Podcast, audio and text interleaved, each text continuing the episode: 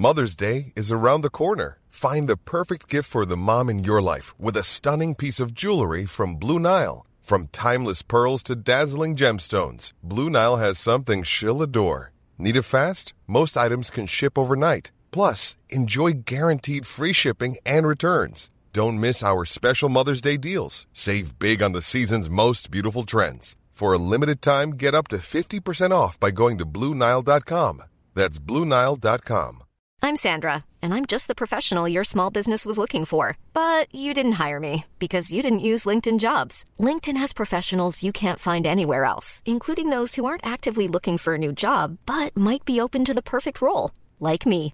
In a given month, over 70% of LinkedIn users don't visit other leading job sites. So if you're not looking on LinkedIn, you'll miss out on great candidates like Sandra. Start hiring professionals like a professional. Post your free job on linkedin.com/people today. Everyone knows therapy is great for solving problems, but getting therapy has its own problems too, like finding the right therapist, fitting into their schedule, and of course, the cost. Well, BetterHelp can solve those problems. It's totally online and built around your schedule.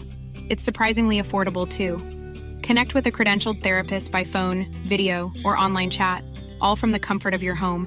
Visit betterhelp.com to learn more and save 10% on your first month. That's BetterHelp H E L P.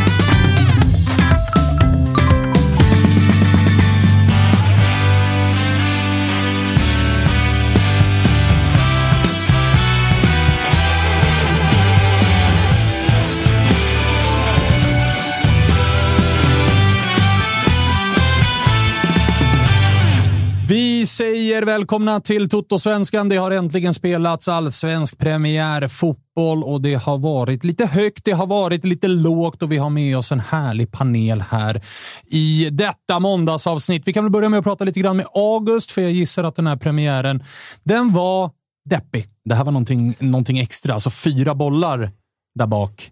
Sällan vi behöver hämta ut. Ja, nej, men verkligen. Att det just var det. Det hade ju varit en annan sak kanske om vi hade torskat med 2-0 och det var uddlöst framåt, som någonstans är det man har varit lite orolig för med AIK. Eh, men att vi släpper fyra bakåt, att liksom många av våra rutinerade spelare och bärande spelare Eh, ja, men lite grann viker ner sig. Det var ju det som var det tunga, tycker jag, att vi gör en så otroligt dålig premiär.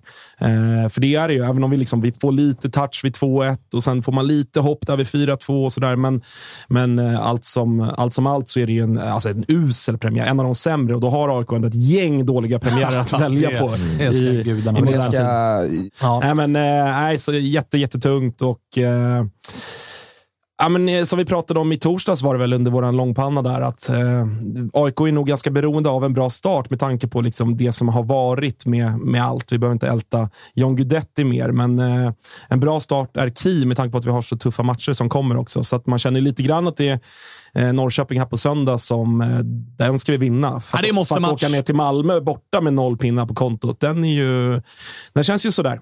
Den känns sådär. Eh, Freddy Arnesson, din besvikelse väntar vi fortfarande på, för ni har premiär ikväll med ditt kära Lill-DIF mot Stor-DIF som kommer på besök. Eller hur är det det funkar det där? Ja, men de små grabbarna där nere från Degerfors. Ja, okej. Fina ju. Nej, men fan, man sitter ju och myser av flera anledningar här. Det är alltid kul att se lite missnöjda. August har en liten skön tåghistoria han kan dra sen. Sju timmar i Mullsjö, eller vad var det? Ja, det är fan det mörkaste jag har hört efter en 4-2 Kan varenda- förlust mot kan varenda Häcken. ort i Småland.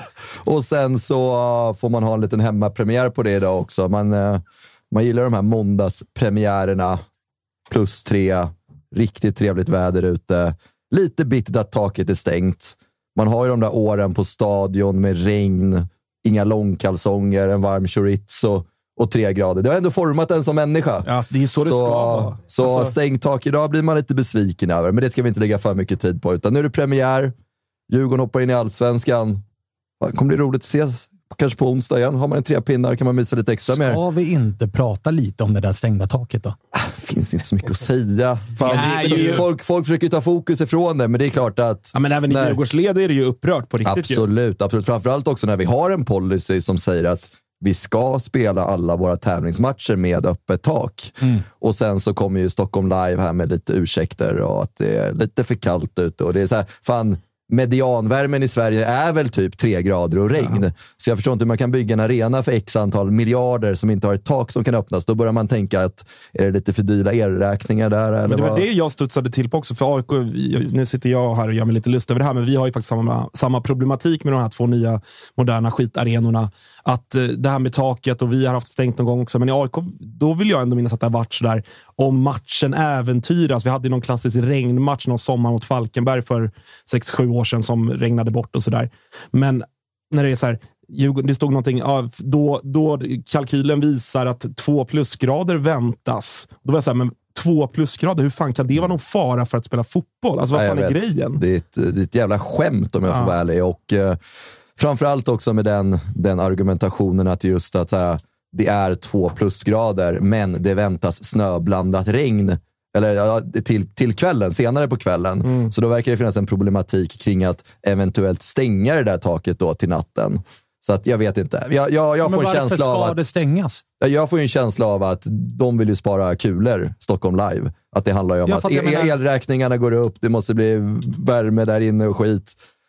Så eh, jag vet, jag har faktiskt inte en aning. För det var ju öppet i lördags. Exakt, så varför stängdes Så det måste ju nästan kosta mer att öppna det för att sen stänga det. Mm. Och sen ja, men ha det bara öppet. Exakt. Så, Vad är problemet här? och grejen är, där skulle man gärna vilja se att, att kommer, för jag vet att Djurgården Fotboll också pushar för det mot Stockholm Live, men någonstans så är ju vi och eh, Hammarby hyresgäster på den här arenan. Och det är vi som gör det möjligt att kunna driva den här arenan, så vi måste också kunna ställa vissa krav mot Stockholm Live, tycker jag. Verkligen. Eh, och ett sånt här läge när det är så här, fan, plus två, plus tre grader.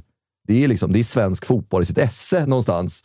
Att liksom, man strålkastar ljusen, det är mörkt på, på himlen och man ser regndropparna och det är tre grader. Alltså, det blir inte mycket mer svensk fotboll än så. Det är den svenska fotbollen vi älskar någonstans. Exakt. Eh, exakt. och så här, nu blir det ju futsal. Ja, och så här, fine, Stockholms stadion. Det var inte skitsexigt att gå på fotboll i det vädret, men det har sin charm. Och nu har vi ändå en modern arena där alla står under tak, även fast det regnar. Det är bara spelarna på planen som får lite vatten på sig.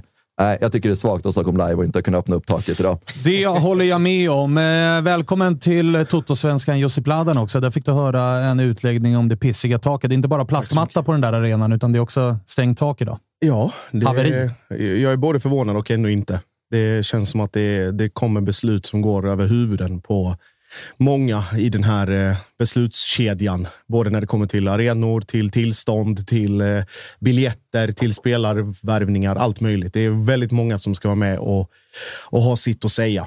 Eh, men jag menar, å andra sidan, varför ska man klaga? Om man vänder på det. 16 grader inomhus, det är säkert skitgött för den som är där, men Ja, vissa tycker att det är rätt gött, men man själv vill ju åt den fotbollen. Det är ändå rätt trevligt att Framförallt har vi kolla ju, kula i plus två. Liksom. ja, vi har ju eh, lilla förseningen att vänta ikväll då med andra ord också. Jag gissar att eh, Tele2s fläktsystem fungerar lika bra som Friends gör. Det sjuka är att det funkar typ bättre de matcherna som taket har varit stängt. Är De har ju så? bränt av lite i Svenska cupen och träningsmatcher. Och röken försvinner förvånansvärt snabbt när taket är stängt. Ni kanske har fläktar? Ja. Ja, så är det inte på eh, Friends. På Friends existerar det ju inga fläktar, så där stannar ju allting kvar. Eh, Ja, nej, det är tråkigt att vi har sådana problem i Stockholm. Så är det. Det är inte bara ni som spelar premiär ikväll eh, för övrigt. Det är ju en till match som avslutar den här omgången. Eh, Det är Elfsborg som tar emot Mjällby och i Mjällby så har vi en debutant som inte är ute på plan utan som står vid sidlinjen. Vi har med oss Mjällbys chefstränare Brännan. Välkommen till Toto-svenskan. Tackar, hörs jag bra? Du hörs bra. Du sitter precis som Nabil Bahoui gjorde i fredags på bussen om jag gissar rätt. Stämmer, det stämmer. Härligt. Eh, hur mår du? Är du nervös inför att göra allsvensk debut, som du ju faktiskt gör här? Nej, inte av den anledningen egentligen, utan mer att man har väntat länge minst sagt. Man har ju gått och väntat på det här sedan januari på något sätt. Så eh, det är alltid lite anspänning innan match.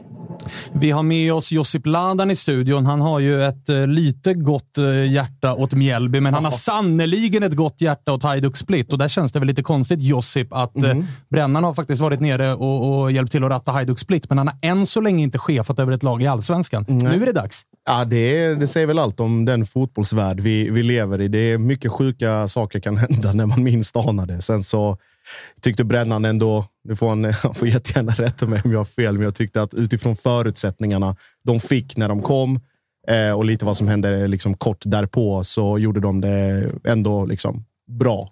Eh, nu kommer ju, enligt min mening, nu kommer ju den tränare som är där nu, eh, till lite till dukat bord. Eh, och det var väl lite, lite det Brännan inte fick. Eh, och han och Jens framför allt. Att det var mycket skadade spelare och mycket liksom folk som inte hade rört en boll på tre månader och någon som inte var i form och bla bla bla. Och sen samtidigt det och sen resultatkrav. Så nu och sen nu igår 0-0 mot oss gick kryss igen. Så, de ja, kämpar på. Men du Brännan, hur har omställningen varit då? Från Split till Listerlandet? Det är extrema kontraster. Det är liksom storklubben som berör alla och det är, det är himmel och helvete till en ganska trygg klubb där där man träffar alla medarbetare. Det är ganska få varje dag i jämförelse. Så det är de två ytterligheterna kan man väl säga i elitfotboll. Du, vi har eh, i tidigare avsnitt här pratat med Douglas som jobbar i klubben, som har gått ifrån läktaren in till eh, kansliet som han var inne på. Vi har också pratat med Jeppe G och vi eh, har väl summerat lite grann om Mjällby. Att ni har gjort en väldigt bra försäsong. Eh, ni har inte förlorat, men att det också är ja, men lite så här eh, halvspretig trupp. Man pratar om kontinuitet, men man har också många spelare på lån. Förra året var det två olika tränare och två helt olika säsonger. Vad är det för Mjällby vi kommer få se den här säsongen? Det är en bra fråga. Jag har ju betalt för att veta det och knappt jag vet tänkte jag säga. Men, eh, eh nej, det är som du säger, det har varit eh, väldiga omkastningar både i spelartrupp och på ledarsida. Så där, så att och det är fortfarande lånespelare på en hel del positioner. Eh, trubbiga på försäsongen, även om som du är inne på det, är ganska stabila på det sättet. Eh, och det är väl steg ett för oss att vara på något sätt stabila. Ska du kunna ta nästa steg så behöver du först ha någon form av stabilitet i det där. Hur viktiga blir, på tal om lånespelare, då? det var ju en Albin Mörfelt som gjorde det väldigt bra i Varberg innan han lämnade för Norge och från Norge så har ni också lånat in Rasmus Widesen Paul som gjorde Stor succé i superettan, har haft lite större problem i, i Rosenborg, men det är väl två spelare som, som du förväntar dig en del av den här säsongen ifall ni ska ta bra placeringar? Ja, men helt klart, det är väl lite så att man hoppas att de ska tillföra någon form av ska vi säga X-faktor i det här stabila. Nu har Albin haft problem med en fot och Rasmus kom precis, så att de är kanske inte där vi vill att de ska vara än. Eh, jag minns inte vem det var som sa det, men det var någon i det här programmet som sa att du nog eh, gärna vill spela med så många mittfältare. Kan du spela med elva så, så gör du nästan gärna det. Men, men vad, vad, är det för typ av fotboll som, eh, som vi kommer få se? För att halva förra säsongen, andra halvan framför allt, så var det väldigt mycket parkera bussen, hålla tätt bakåt. Hellre 0-0 än 2-2. Vad, vad, vad förväntar du dig? Ja, vi var inne på det tidigare. Det är skillnad mellan klubbar. Och man får ta en jäkla hänsyn till vad är det för kultur som råder här när man kommer till, till ett nytt ställe. Eh, här är det lite annorlunda på det sättet. Man kanske tar, för att ge exempel, man tar större hänsyn till motståndare. Eh, kanske större andel av träningen som är hur försvarar vi mot det här eller hur, hur löser vi det här? mot... Det är inte hur smashar vi dem, om du förstår. Mm -hmm. eh, så, så det är klart att jag vill på något sätt trycka in en del andra saker. Men man får gå för, försiktigt fram. Ändrar man för mycket blir det kaos. Ändrar man inget märks det inte, brukar man säga. Och det får väl gälla här, utan vi får gå lite försiktigt fram i början och försöka vidhålla det som var bra förra året. Vi köper det. Eh, ni börjar med en av de tuffaste bortamatcherna i den här serien. Elfsborg på Borås Arena. De brukar och har varit väldigt starka senaste tiden på den där eh, plastmattan. Vad blir viktigt för er ikväll? Alltså det låter ju tråkigt, men ser man dem mot Halmstad här och Degerfors på försäsongen så de kommer ju ut som en ångvält på något sätt. Så det är lite att, eh, återigen, så där, hur undviker man det? Den approachen. Att inte mata deras press. Liksom, för de har ju så otroligt bra när de får jobba framåt och vara jobbiga. Och man pratar ju om dem som kontringslag, men det är inte de här klassiska kontringarna utan det är väl mer att man vinner en hyggligt högt. Och därifrån kontrar man. Alltså det är ganska snabba kontringar. Så att där ska vi akta oss såklart. Hur mycket, ifall du tillåter mig att vara lite konspiratorisk här, då, nu har du ju faktiskt varit nere runt Medelhavet och eh, agerat. Hur mycket av, och jag menar det är många som tippar er i botten av tabellen. Många tänker nog om lag som kommer från eh, Italien, Kroatien liknande att man är ganska cynisk där. Att eh, är det 0-0 och 20 minuter kvar så, så, har man lite extra ont lite här och var. Är det någonting du tar med dig från Hajduk Split gällande just eh, de bitarna? Att vara lite mer cyniska. Jag tänker mest så här, vad har du lärt dig där nerifrån som du tar med dig hit? Nej, men det som du är inne på, där är man ju väldigt bra på att trolla bort sista kvartar, matcher. Så där. Det, då var vi i en annan situation Närmar de sig Borås. Nu närmar de sig Borås. ja. Nu det är alltid... Det, Det, det, det, det, är dålig mottagning nu, Branna. Vi har alltid strul när folk närmar sig Borås. Hälsa grabbarna, framförallt Jeppe G. Han gillade vi väldigt mycket. Och så ser ni till att spika igen där på Borås Arena. Eh, vi hörs Branna. Ta hand om dig. Ja, vi hoppas att han tar med sig lite cynism ifrån Kroatien in i den här matchen, för det kommer behövas. Det kommer verkligen behövas. Jag tror också att det är, liksom, det är ganska fin eh, eller tunn linje mellan cynism och att vara liksom, eh, hur ska jag säga, destruktiv. Eh, liksom, jag kan ta Hajduk som exempel. Jag såg andra halvlek igår. Det är ju en horribel fotbollsmatch i alla avseenden, men det är samtidigt liksom man, man är på domaren om precis allt. Alltså, Ja. minsta lilla inkast. Eh, någon som säger någonting till någon när de går förbi. Eh, sparka upp bollen upp på liksom, rad 8, plats 12 så att någon svimmar av. Och sen liksom bli förbannad för att man får en motreaktion och sådana saker. Så allting sånt. Sen är ju det, liksom, det, är ju det extrema. Sen ska man göra det liksom med Mjällby-mått mätt. Och det är de ganska bra på redan innan brännan också. Ja, det, är liksom- vill jag minnas också. Det var ett ganska grisigt gäng även i fjol. Ja, Jeppe, Jeppe bekräftar ju det också, men det är, liksom, det är Sveriges kan, kanske mest enögda publik liksom, när det kommer till eh, total oförmåga att, att liksom, ta in att någon annan skulle kunna vara helt okej på någonting. eh, sen, är det också, sen är det också ganska kreativt från läktaren. Det är ju tajt på Strandvallen som fan. Så att eh, de roligaste och liksom mest påhittiga grejerna man har hört från läktarhåll i sitt liv har ju kommit från liksom, Bosse, 65, eh, på långsidan på Strandvallen. Om man fattar vad han säger. Ja, ju- exakt. Det är väl det som är, Ja. det som är grejen där. Eh, vi ska återkomma till Elfsborg-Mjällby lite senare, för vi ska med oss Sissi eh, som vi hade med i, var det andra avsnittet i Toto-svenskan som hon var med Jajamän. och snackade lite grann. Hon bör vara taggad. Det, Ja, men det tror jag. syns i alla fall på Twitter att det, Ja, nu är jag ute och svingar direkt på Twitter Ja. och hetsar igång. Eh, Det är Jättefint. hon bra på. Eh, innan vi eh, pratar mer om kvällens matcher, vi ska ha med oss Mange Eriksson också. Din kapten Mm. som är tillbaks i gamet igen efter den där snytingen han fick av din gubbe Josip, nämligen Martin Mm. Olsson. just det. Eh, men vi ska, vi ska blicka tillbaka lite grann på helgen eh, som var, August. Du har faktiskt inget val. Eh, den där premiärmatchen. Vi var inne på eh, lite koreografier, tänkte att vi skulle inleda med. Bayern inledde och det vart ett jävla surr om den eh, korren. Jag förstod den inte riktigt tills jag såg den lilla detaljen att den där kanotjäveln, den rörde sig. Och sen har vi väl ett Ah, årtalsproblem. årtalet där. är ju- Årtalet, där, Ja. där, där har man Ja, åsikter. eh, vi- stod Där har jag 1889. Jajamän. Ja, Och ingen vet riktigt varför. jag vet För inte det har riktigt väl, vad som hände där. Det har väl varit andra, det, det är väl tredje årtalet de snurrar nu, Bayern. Ja, på tre år till och med. Och Och de hade vi- väl något årsmöte där de skulle rösta igenom vilket år de grundades. Och jag vet inte riktigt vad som gick igenom då heller. Jag minns inte heller det. Var det, men det blev, jag tror att det blev något av de tidiga. Ja, det var ja, så, ja. uppenbarligen. Eh. De tog något mellanläge. Det var typ 1875 först. Ja, men jag blev ändå förvånad, för min känsla kring hela den där årsdebatten var ändå att så här, alla omfamnade inte det, att så här, nu helt plötsligt ska vi börja liksom köra. Jag menar, det är väl bara att googla Hammarby tifo så hittar man nog x antal korrar där man har kört 1897, eller vad fan är det de har kört? Ja, det är lite 95, oklart. o- det kan vara lite vad som Ja, helst. så där reagerade man ju. Men annars är det ju bara liksom hatten av eh, för korren i övrigt. Det var ju Jättesnyggt. mig veterligen första liksom, koreografin i Sverige där det är en sån typ av rörelse i, i tifot. Det har Och ju, som typ inte syntes hur de gjorde den.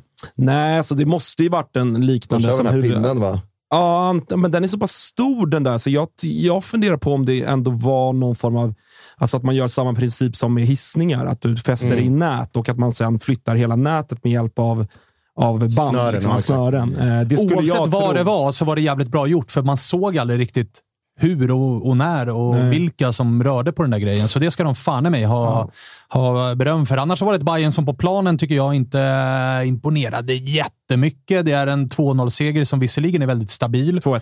2-1, förlåt. Eh, Men många räknade ju med att det skulle vara...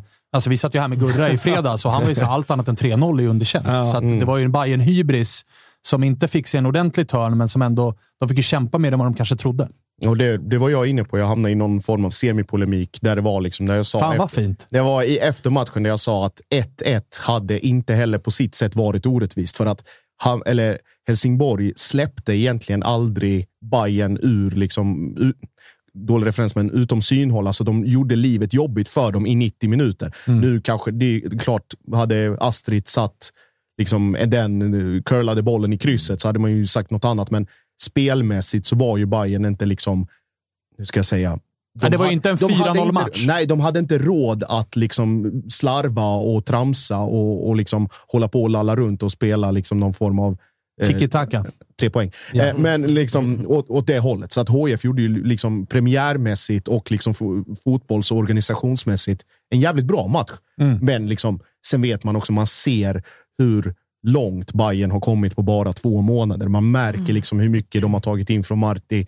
Man märker att de är liksom lite som Malmö igår, liksom cyniska, jobbiga, svårtuggade. Och även när det inte funkar så funkar det ändå. Att det blir liksom, du gnetar dig till de här lägena. Och det var ju sånt Bayern inte klarade, eller har Exakt. klarat under varken Milos eller Billborn. Eller, alltså under Billborn kan de förlora en sån här match. Det är precis det, de jag inte. skulle säga. Sen gör de ju också läxan, för Taha Ali fick ju behandling som eh, Taha Ali inte ska ha ifall han ska vara bra. För att de sparkade ju ner han i parti och minut. Mm. Och det är ju, och i alla fall inför, han var jävligt uppsnackad inför den här matchen. Experterna nämnde ju honom eh, mer eller mindre varannan minut. Han- Allsvenskans Messi såg Ja, att det, var, det, det, det är klart att det Klart var... att man hajade till då. Ja, det, det var inte lilla saltkaret som var framme på, på Taha Ali. Men, och han kommer säkert bli jättefin. Men, och Bayern hade ju gjort läxan och sparkat ner honom varje gång han fick bollen. Och det var en smart taktik. Eh, tre poäng till Bayern. Jag hoppas att vi ska få prata mer Bayern på eh, onsdag, eller kanske fredag. Vi får se lite grann när det blir. Eh, AIK svarade upp med att eh, skita på sig nere på hissingen. Det enda vi tar med oss därifrån är väl publiken som gör det jävligt bra. Det var väl någonstans 3-4 tusen aik som var där.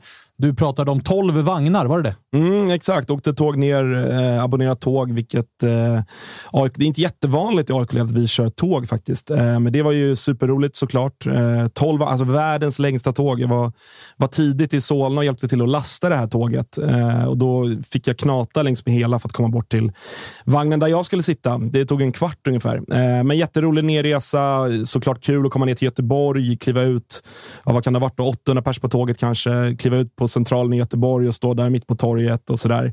Eh, missnöjda miner från eh, diverse göteborgare som skulle med tåg och skulle eh, ut med barnen och käka och sådär. Eh, men jätteroligt såklart. Sen, så, Sen tog det slut. Sen så tog det roliga slut. Det var, sen hade jag tråkigt resten av dagen.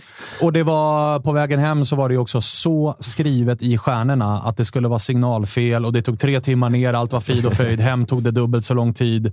Det var, det var Mjölby och allt vad fan det var. Så det, och det var ju också självklart. Ja, ja, men med den Alltså- insatsen så förtjänade vi väl kanske inget annat heller. Ja, men alltså, ni gjorde ju ert, kan jag ja, tycka. jo, jo, visserligen. visserligen. Eh, vi ska inte prata jättemycket om eh, matchen såklart. det? Därför att vi har andra AIK-rubriker innan vi ringer Mange Eriksson. och det Vilken är ju... ni har. Det är så otroligt. Nej, men alltså, jag har redan sagt vi sket på oss. Vad mer vill ni att jag ska säga? Vi kan ju inte surra mer Jordan Larsson än själva matchen. Kolla, Det kolla, är ju det Ja. hetaste just nu. Ja. Eller vill ni, vad vill ni, vill ni säga något om matchen? Nej, alltså dels att ni, alltså, att det blev en sån plattinsats, men framförallt så blir jag ju förvånad över hur osynk det kan se ut på så kort tid. När det har sett så pass synkat och bra ut så länge. Så här, ska jag dra min snabba analys av den här matchen, så 4-2, alltså vi förtjänar inte att vinna den. Men vi har också, alltså, vi har två perioder i matchen där matchen rinner oss ur händerna. Det är dels alltså att vi drar på straffen, Otieno, det är sånt som händer. Den där brytningen har Otieno gjort 800 gånger förra året. Varje gång har man haft hjärtat i halsgropen och varje gång lyckas han pilla på bollen med en liten tå. Vi minns derbyt mot eh, er på Friends Arena där Otieno gör den där brytningen i första halvlek och där är han på bollen och det räcker. Här bommar han den, då är det straff och jag har inga problem med att ligga under med 1-0 efter 12 minuter. Det jag har problem med det är att du kan inte ligga under med 2-0 efter 14 på en hörna. Den bollen ska bara bort. Sen löser vi ju 2-1 och vi är med i matchen. Starten på andra halvlek är så pass bra att gör vi 2-2 där, då kan vi fan till och med vinna matchen. Men det var en sån dag där det, vi är inne i momentum, vi är bra, vi trycker på för 2-2. Ja, men nog fan så är det ett snedriktat avslut som landar på fötterna hos den här Uddenäs som var jättebra och pillar in den i öppet mål och så är luften ur. Så att så fort vi var nära att ta oss tillbaka in i matchen så får vi något emot oss. Mm. Det, det, är liksom, en olycka kommer aldrig ensam. Det var, vi pratade om det efter deadline day, att nu stod det ju skrivet i stjärnorna för att vi känner vårt AIK att när John inte kommer, nu kommer vi torska premiären. Mm. För att det är så momentum och hype och, och allt sånt. Det funkar så. Tror ni att det har påverkat eller? truppen, ja, att inte JG ja, kommer? Alltså, det, det mentala, man var förberedd på en viss typ av startelva kanske få in den kompetensen som saknades och sen kom inte det in. Tror ni att det har stört ja, ja, men, kanske inte, ja, men lite uppladdningen också det, i den här matchen? Det, det, tror jag. det tror jag. Särskilt med tanke på att det ändå är också, dels att ja, men JG är JG ett så stort namn, men också många i truppen som känner honom och liksom vet vad han är för typ av karaktär och sådär. Men och så här, inte bara heller JG, att Bilal går sönder, att det kom så många grejer efter varandra som man kände att, så här, men vad fan. Det pajar ju såklart en uppladdning. Klart att det någonstans sätter sig i skallen på spelarna. Sen så är inte det en... en, liksom en det är inte en rimlig ursäkt. Nej, det ingen ursäkt eller anledning till att gå ut och göra en sån insats som, som liksom Seb och Lustig med flera var inne på i intervjuerna efter. Att så här, vi har gått och väntat på, på det här i tre månader och så går vi ut och skiter på oss. Och det är ju oförlåtligt. Alltså, så här, det är, jag är ju liksom egentligen inget sådär superfan av att bua efter, efter liksom insatser, framförallt inte så här tidigt på säsongen. Men jag kan tycka att det var på sin plats i, i, i lördags. För att så här, det finns gränser i vad du kan göra för, för insats utan att få höra det. Och här tycker jag att så här, det här är inte okej okay att göra. Det finns jättemycket grejer som har varit strul nu i AIK senaste veckan, men man kan inte göra en sån här dålig insats. Mm. Så hade de gått ut, så här, det hade sett knackigt ut framåt, vilket man någonstans kanske hade förväntat sig, och torsk med 2-1. Då hade, man, då hade det nog inte varit burop. Då hade det nog ändå varit lilla alibi-applåden ändå, men ingenting mer än så. Mm. Men det här tycker inte jag är en okej insats. Nej, men fyra de, bollar insläppta. Nej, men det, nej, men alltså, och bakåt som ska vara vår styrka. Eh, att göra två mål framåt bortom tecken, det är ju bra. Eh, med liksom en och med del... bud på fler. Ja, ja, men precis. Men att vi klappar ihop så fullständigt bakåt och framförallt, det som jag tycker är oroande är ju våra defensiva fasta. Alltså det är ju klet i brallan varje gång vi får en hörna emot oss. Mm. Och det, det, det är ju liksom... Det är så dåligt så att det finns inte. Och där tror jag nog också att, eh, eh att ledningen och Bartos kommer fundera på det. Vad, vad beror det på? Eh, är det att vi har valt att justera i backlinjen som vi har gjort. Att vi har i det här fallet då fått bort, äh, fått bort Sotte och in med Joe Mendes istället. Eh, för, för att där förlorar vi en jättestark huvudspelare. Mm. Eh, blir intressant att se vad som händer på söndag på Norrköping om det kommer justeras tillbaka till den backlinjen som var så framgångsrik förra året. Mm. Eh, då blir det såklart eh, liksom, sämre offensivt på högerkanten med Lustig istället för Joe. Men äh, jätte, jättedålig insats. Äh, en liksom slap in the face och man får hoppas någonstans om man ska försöka se någonting positivt att det blir ja, men en veckaklocka inför, äh, inför Norrköping. Minikrismöte mot äh, Peking där. Och ja, men i alla, fall, mm. alla fall. Och sen har, exakt, sen har vi Malmö borta på det. Mm. Vi hörs.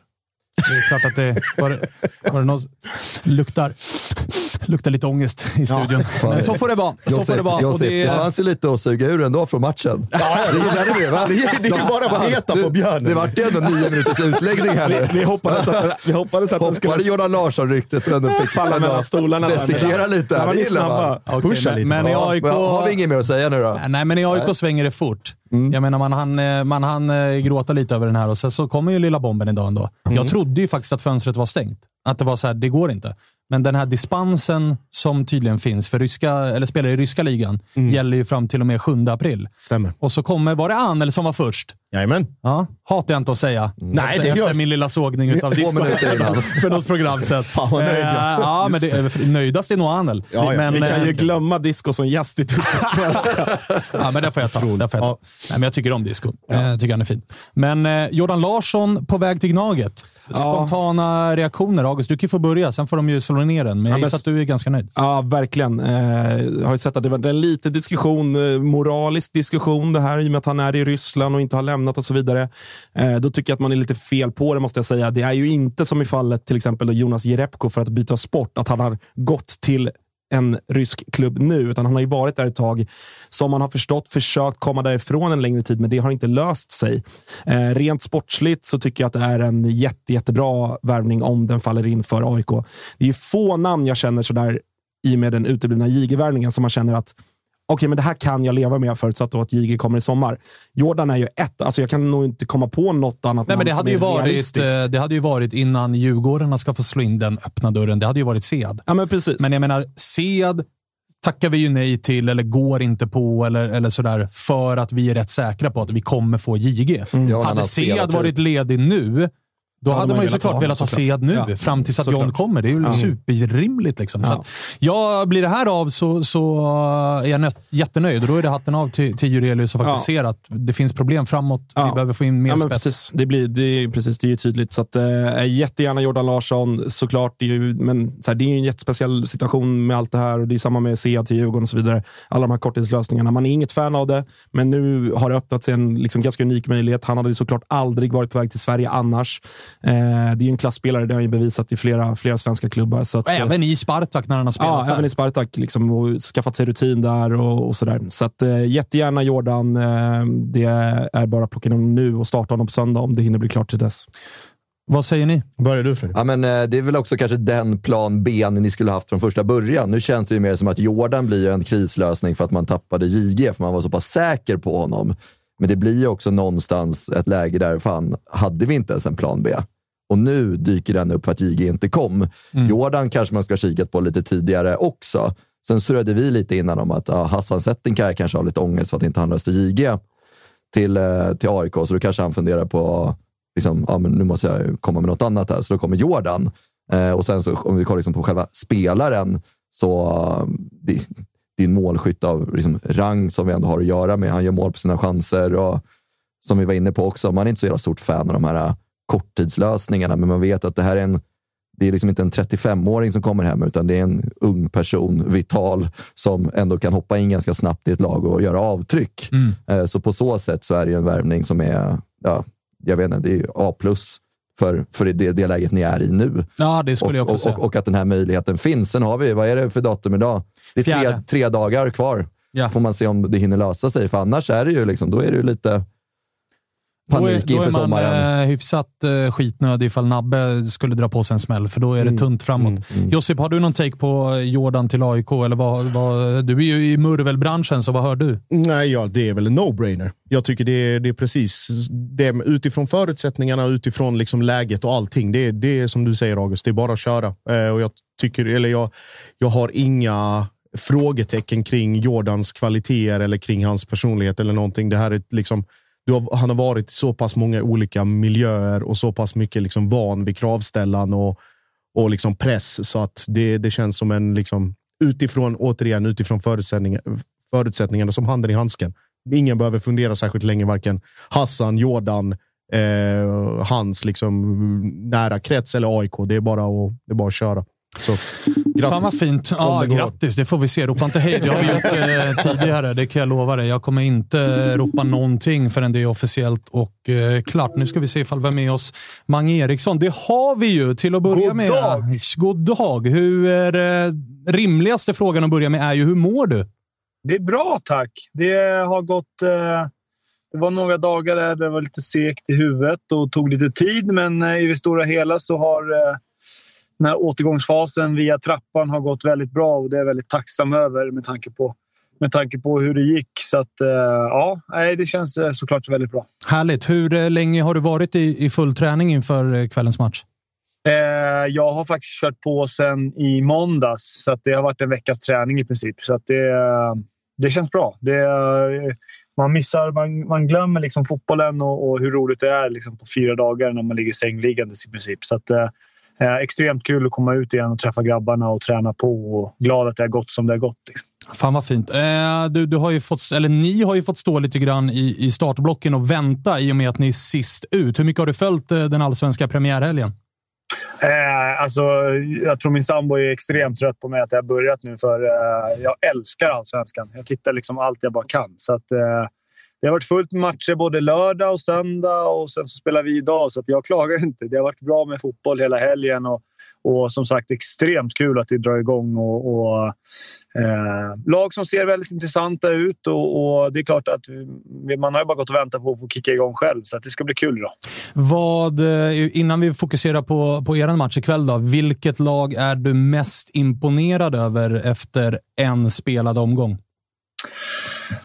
Alltså det är klart att, jag menar, sett till förra året och vad det innebar för, för Häcken. Det är klart att om man har ett AIK som, som släppte in överlägset minst mål tror jag förra året och vinna med, med göra fyra mål på dem i en premiär. Och jag tycker de har fått in intressanta spelare också, så det är klart att det var den första man, man höjde på ögonbrynen. Det, jag vet själv hur svårt det är att göra mål på AIK, så att eh, de stänkte fyra i, i i en premiär när det brukar vara liksom väldigt tillknäppt och så. Så det, var, det var imponerande. Eh, får se hur, om det var en engångsföreteelse eller om det var...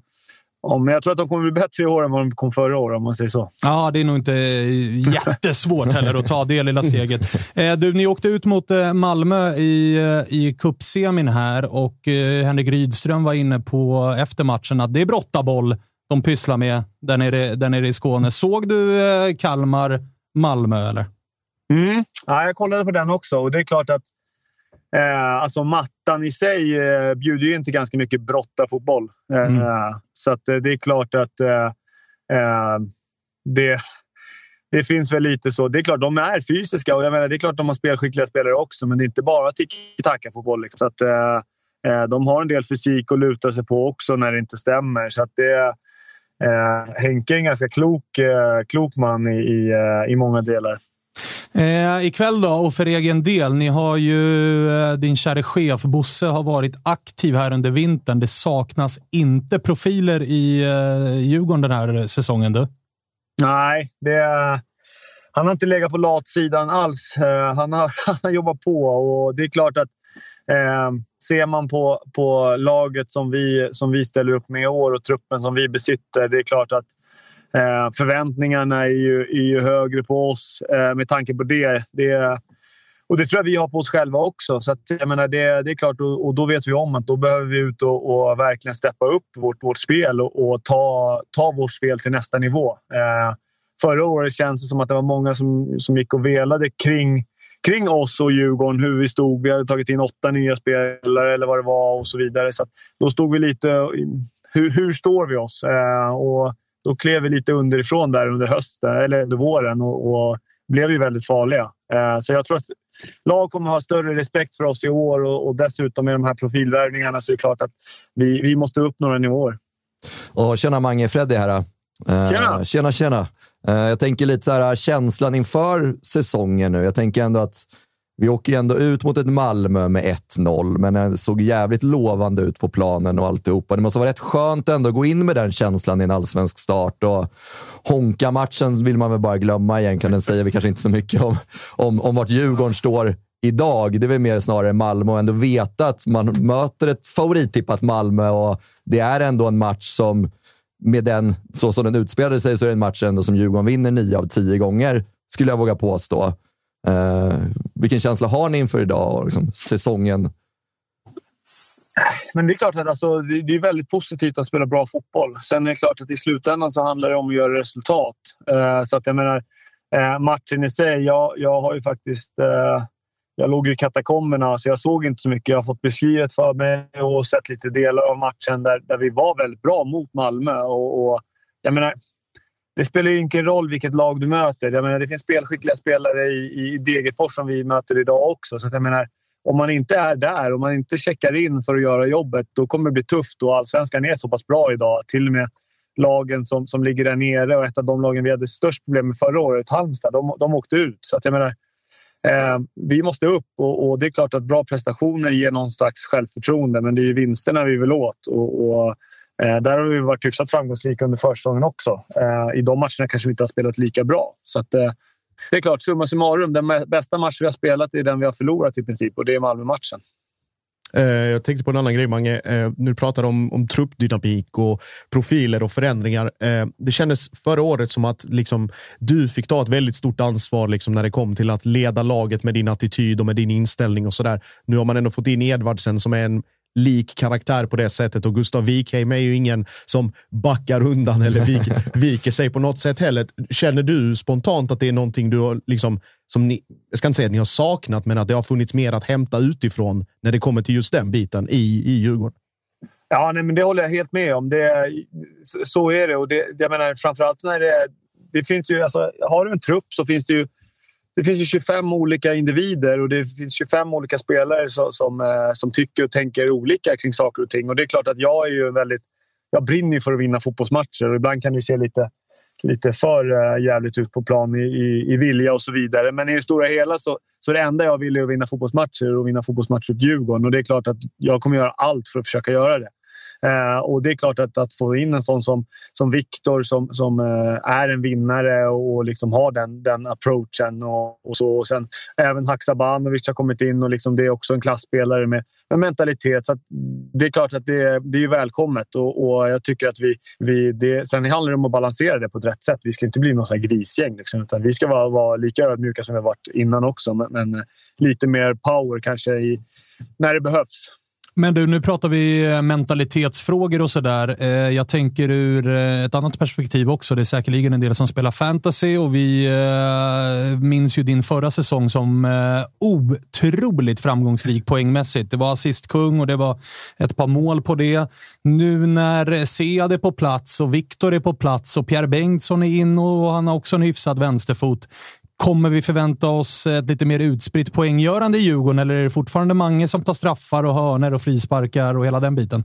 Nej, jag tror, jag tror att du är helt rätt på det där Svanen. Alltså det, jag tror att vi, med de fötterna som vi besitter nu i Djurgården så kommer vi nog eh, gå runt ganska mycket på vem som, vem som tar fasta och så vidare. Eh, och Det beror ju lite på vad man vill ha för typ av fot. Om man vill ha inåtskruv eller utåtskruv i vilket läge. Så att, eh, det är klart, både Pierre, och Haxa och Viktor, det är bra fötter rakt över. Så att, eh, det, det, kommer nog eh, förhoppningsvis, och jag tror att Djurgården kommer bli mer framgångsrika om det är fler spelare som gör poäng. Jag menar, förra året, så, så om man ska hårdra det, så var det i princip jag eh, och Chili som gjorde, gjorde eh, mer än 10 poäng. Ja, kanske, inte... kanske Vittry på våren. Ja, till och med. Ja, just det. Precis. Aslak också. Ja, han tappar vi. Liksom. Så det, det, det, är klart att det, ska man vara med så, så så behöver man ju spelare som gör poäng. Och, det är klart att det är bättre om det blir utspritt på, på spelare med självförtroende och så vidare. Så det, det tror jag vi kommer få se i år också. Men du, finns det... Det måste jag ju såklart fråga om. Du eh, hatar ju inte att ta ansvar. Du springer runt med binden runt armen. Är det, är det bara skönt att så här, det finns fler som kan ta den där frisparken eller den där straffen när den dyker upp? Eller är det också lite så här, fan, det är ju jag som ska ta straffarna här. Ge fan i mitt område. Ja, men exakt.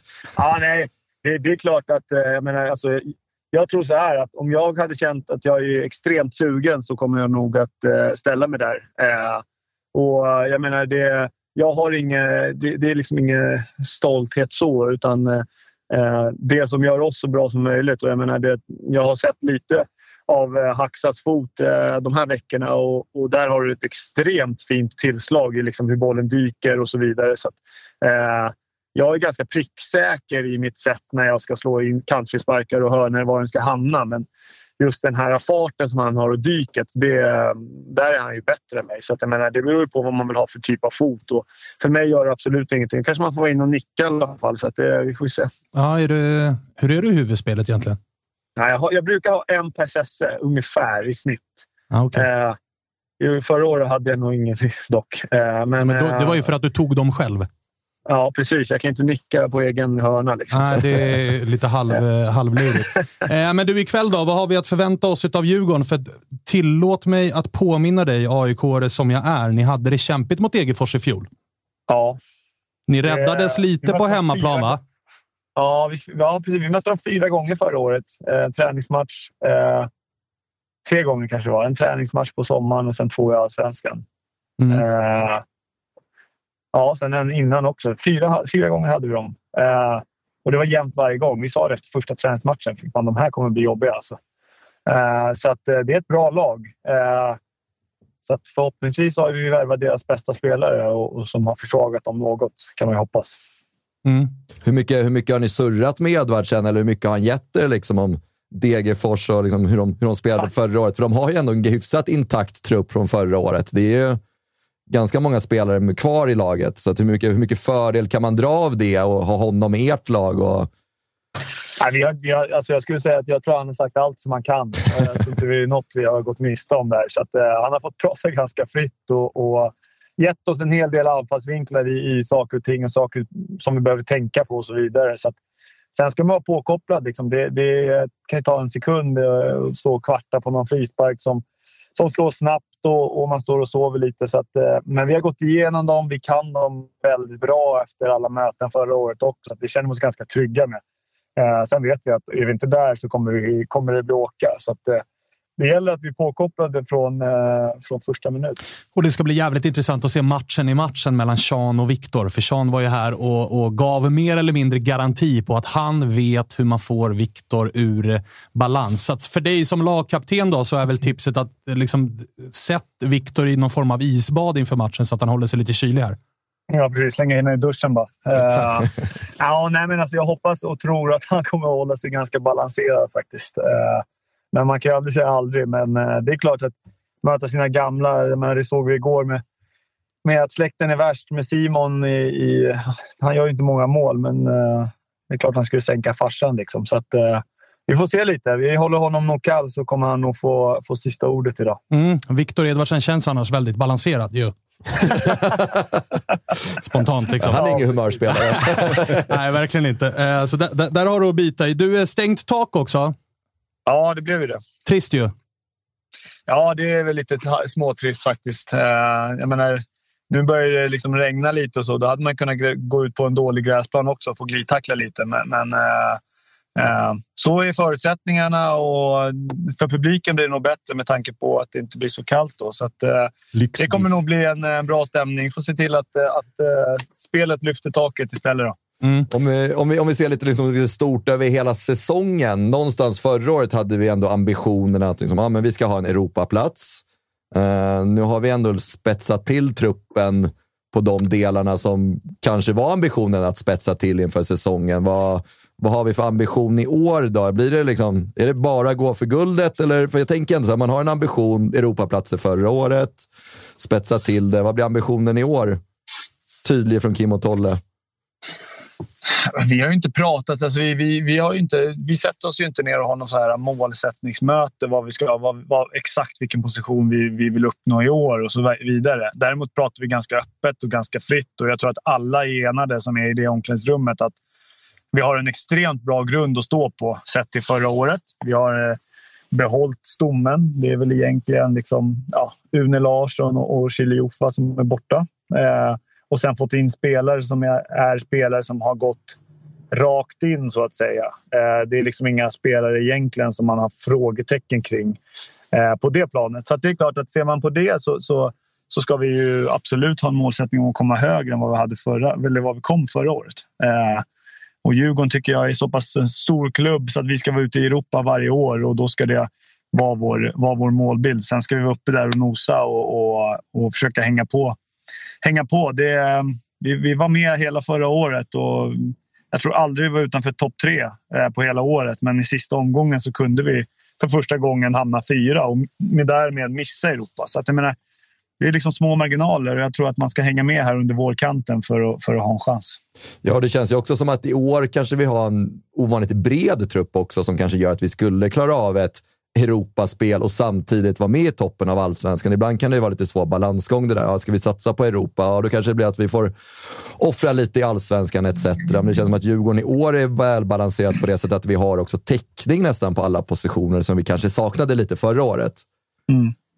Ja, absolut. Jag tycker att truppen i sig är... Eh, tittar man på den truppen som är med idag, jag menar, det är spelare på bänken som som, eh, ja, nu vet ju jag vilka det är, det vet inte ni, men, men eh, som liksom har, har, har spelat hög nivå i allsvenskan och, och liksom varit med under en lång tid och kan göra skillnad. och liksom så. så att jag menar, Vi känner oss ganska trygga med eh, vår, vår trupp. Sen vet vi att det, det är liksom det är ju bättre trupper än den vi har som har misslyckats där ute. Eh, och jag menar, det, vi ska göra jobbet. Det ligger liksom till grunden för det vi håller på med. Om vi börjar sväva iväg så, så är vi snett på det. Så att, eh, men där är vi. Liksom. Vi är ett gäng som försöker hålla, hålla, hålla i tyglarna och vi känns ganska balanserade i vår, i vår approach. Så, så det, det känns bra. Köper det. Eh, du, eh, vi ska tugga vidare här, Mange, och det verkar som ja. att du också ska iväg på kanske någon lite samling. Hur funkar det här nu? N när är det samling? Går man någon promenad först, eller hur ser, hur ser resten av dagen ut här fram till avspark? Ja, nej, vi har, vi har samling 1.30-1.40 innan. Ja, det är som korpen liksom. alltså, det är, jag trodde det var liksom, man samlas 15.00, det är käk, promenad, lite massage. Ja, men man ses på Kaknäs Ja, vid det är så här- 12, lite gemensam Ja. couscous och broccoli. Ja, ja, ja. 90 minuter innan och så, och så byter man om och medtar egen eh, matchtröja. Ja, precis. Nästan så. Nej, men vi, eh, vi håller det ganska simpelt. Det har ju funkat hyfsat i alla fall. Så, att, eh, så nu är det faktiskt en hämning på, hämtning på förskolan här. Eh, och sen är det hem och duscha, fixa frillan och sen är det järnet till Tele2. Fan, då kan du hämta upp mer utanför så vi borta tillsammans. Det är perfekt timing ju. Det låter som ett vanligt knegarliv det här. Liksom. Hämtning på förskolan. Och... Ja, men fint. Eh, lycka till. Kör hårt Stort ikväll. tack. Hörs vi. Tack, Lycka tack. till, vi. Ciao. Gott, Ciao, gott. ciao. Trodde att det var mer glamoröst i Allsvenskan än att det var liksom dagishämtningar, upplä- uppladdning inför allsvensk premiär. Man tänker ju en hel dag med fokus. Liksom. Ja, ja. Fan, Ja, det är det- oglamoröst i den här serien. Det där känns i och för sig också som att det är mycket individuellt. Att vissa spelare kanske mår bra av att bara köra på och hämta kidsen.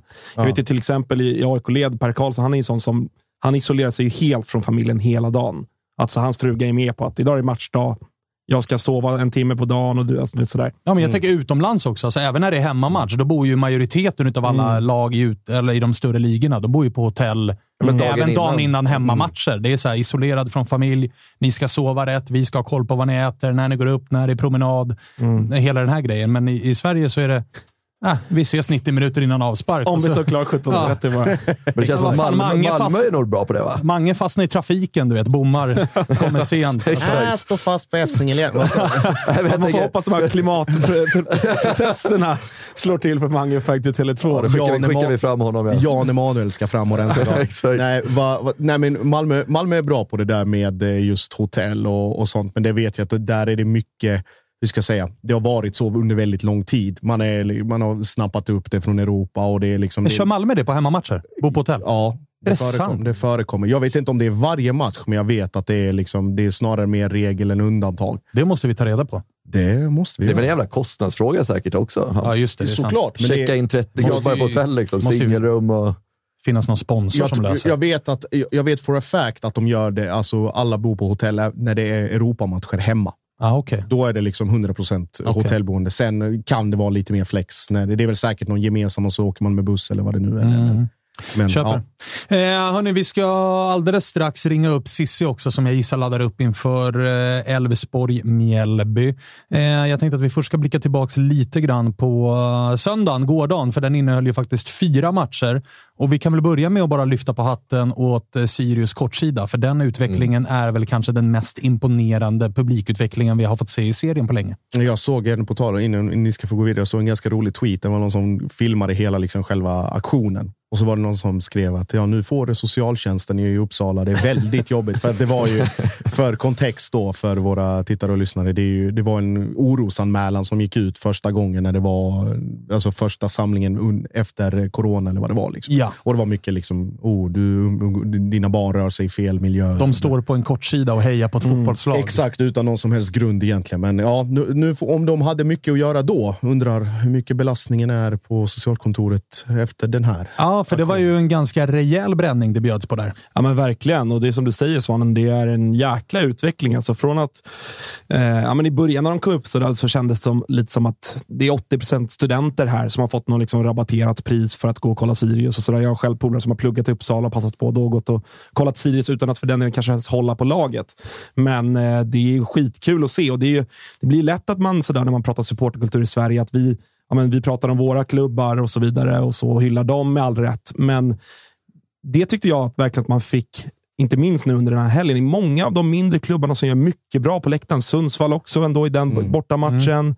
Eh, Degerfors kommer säkert ha ett bra följe idag på Tele2. Det är många av de här mindre klubbarna som, som tar steg supportermässigt och det är ju jäkligt roligt att se att det, det, är, liksom, det är få lag som där det är en hund och två gubbar på läktaren. Liksom.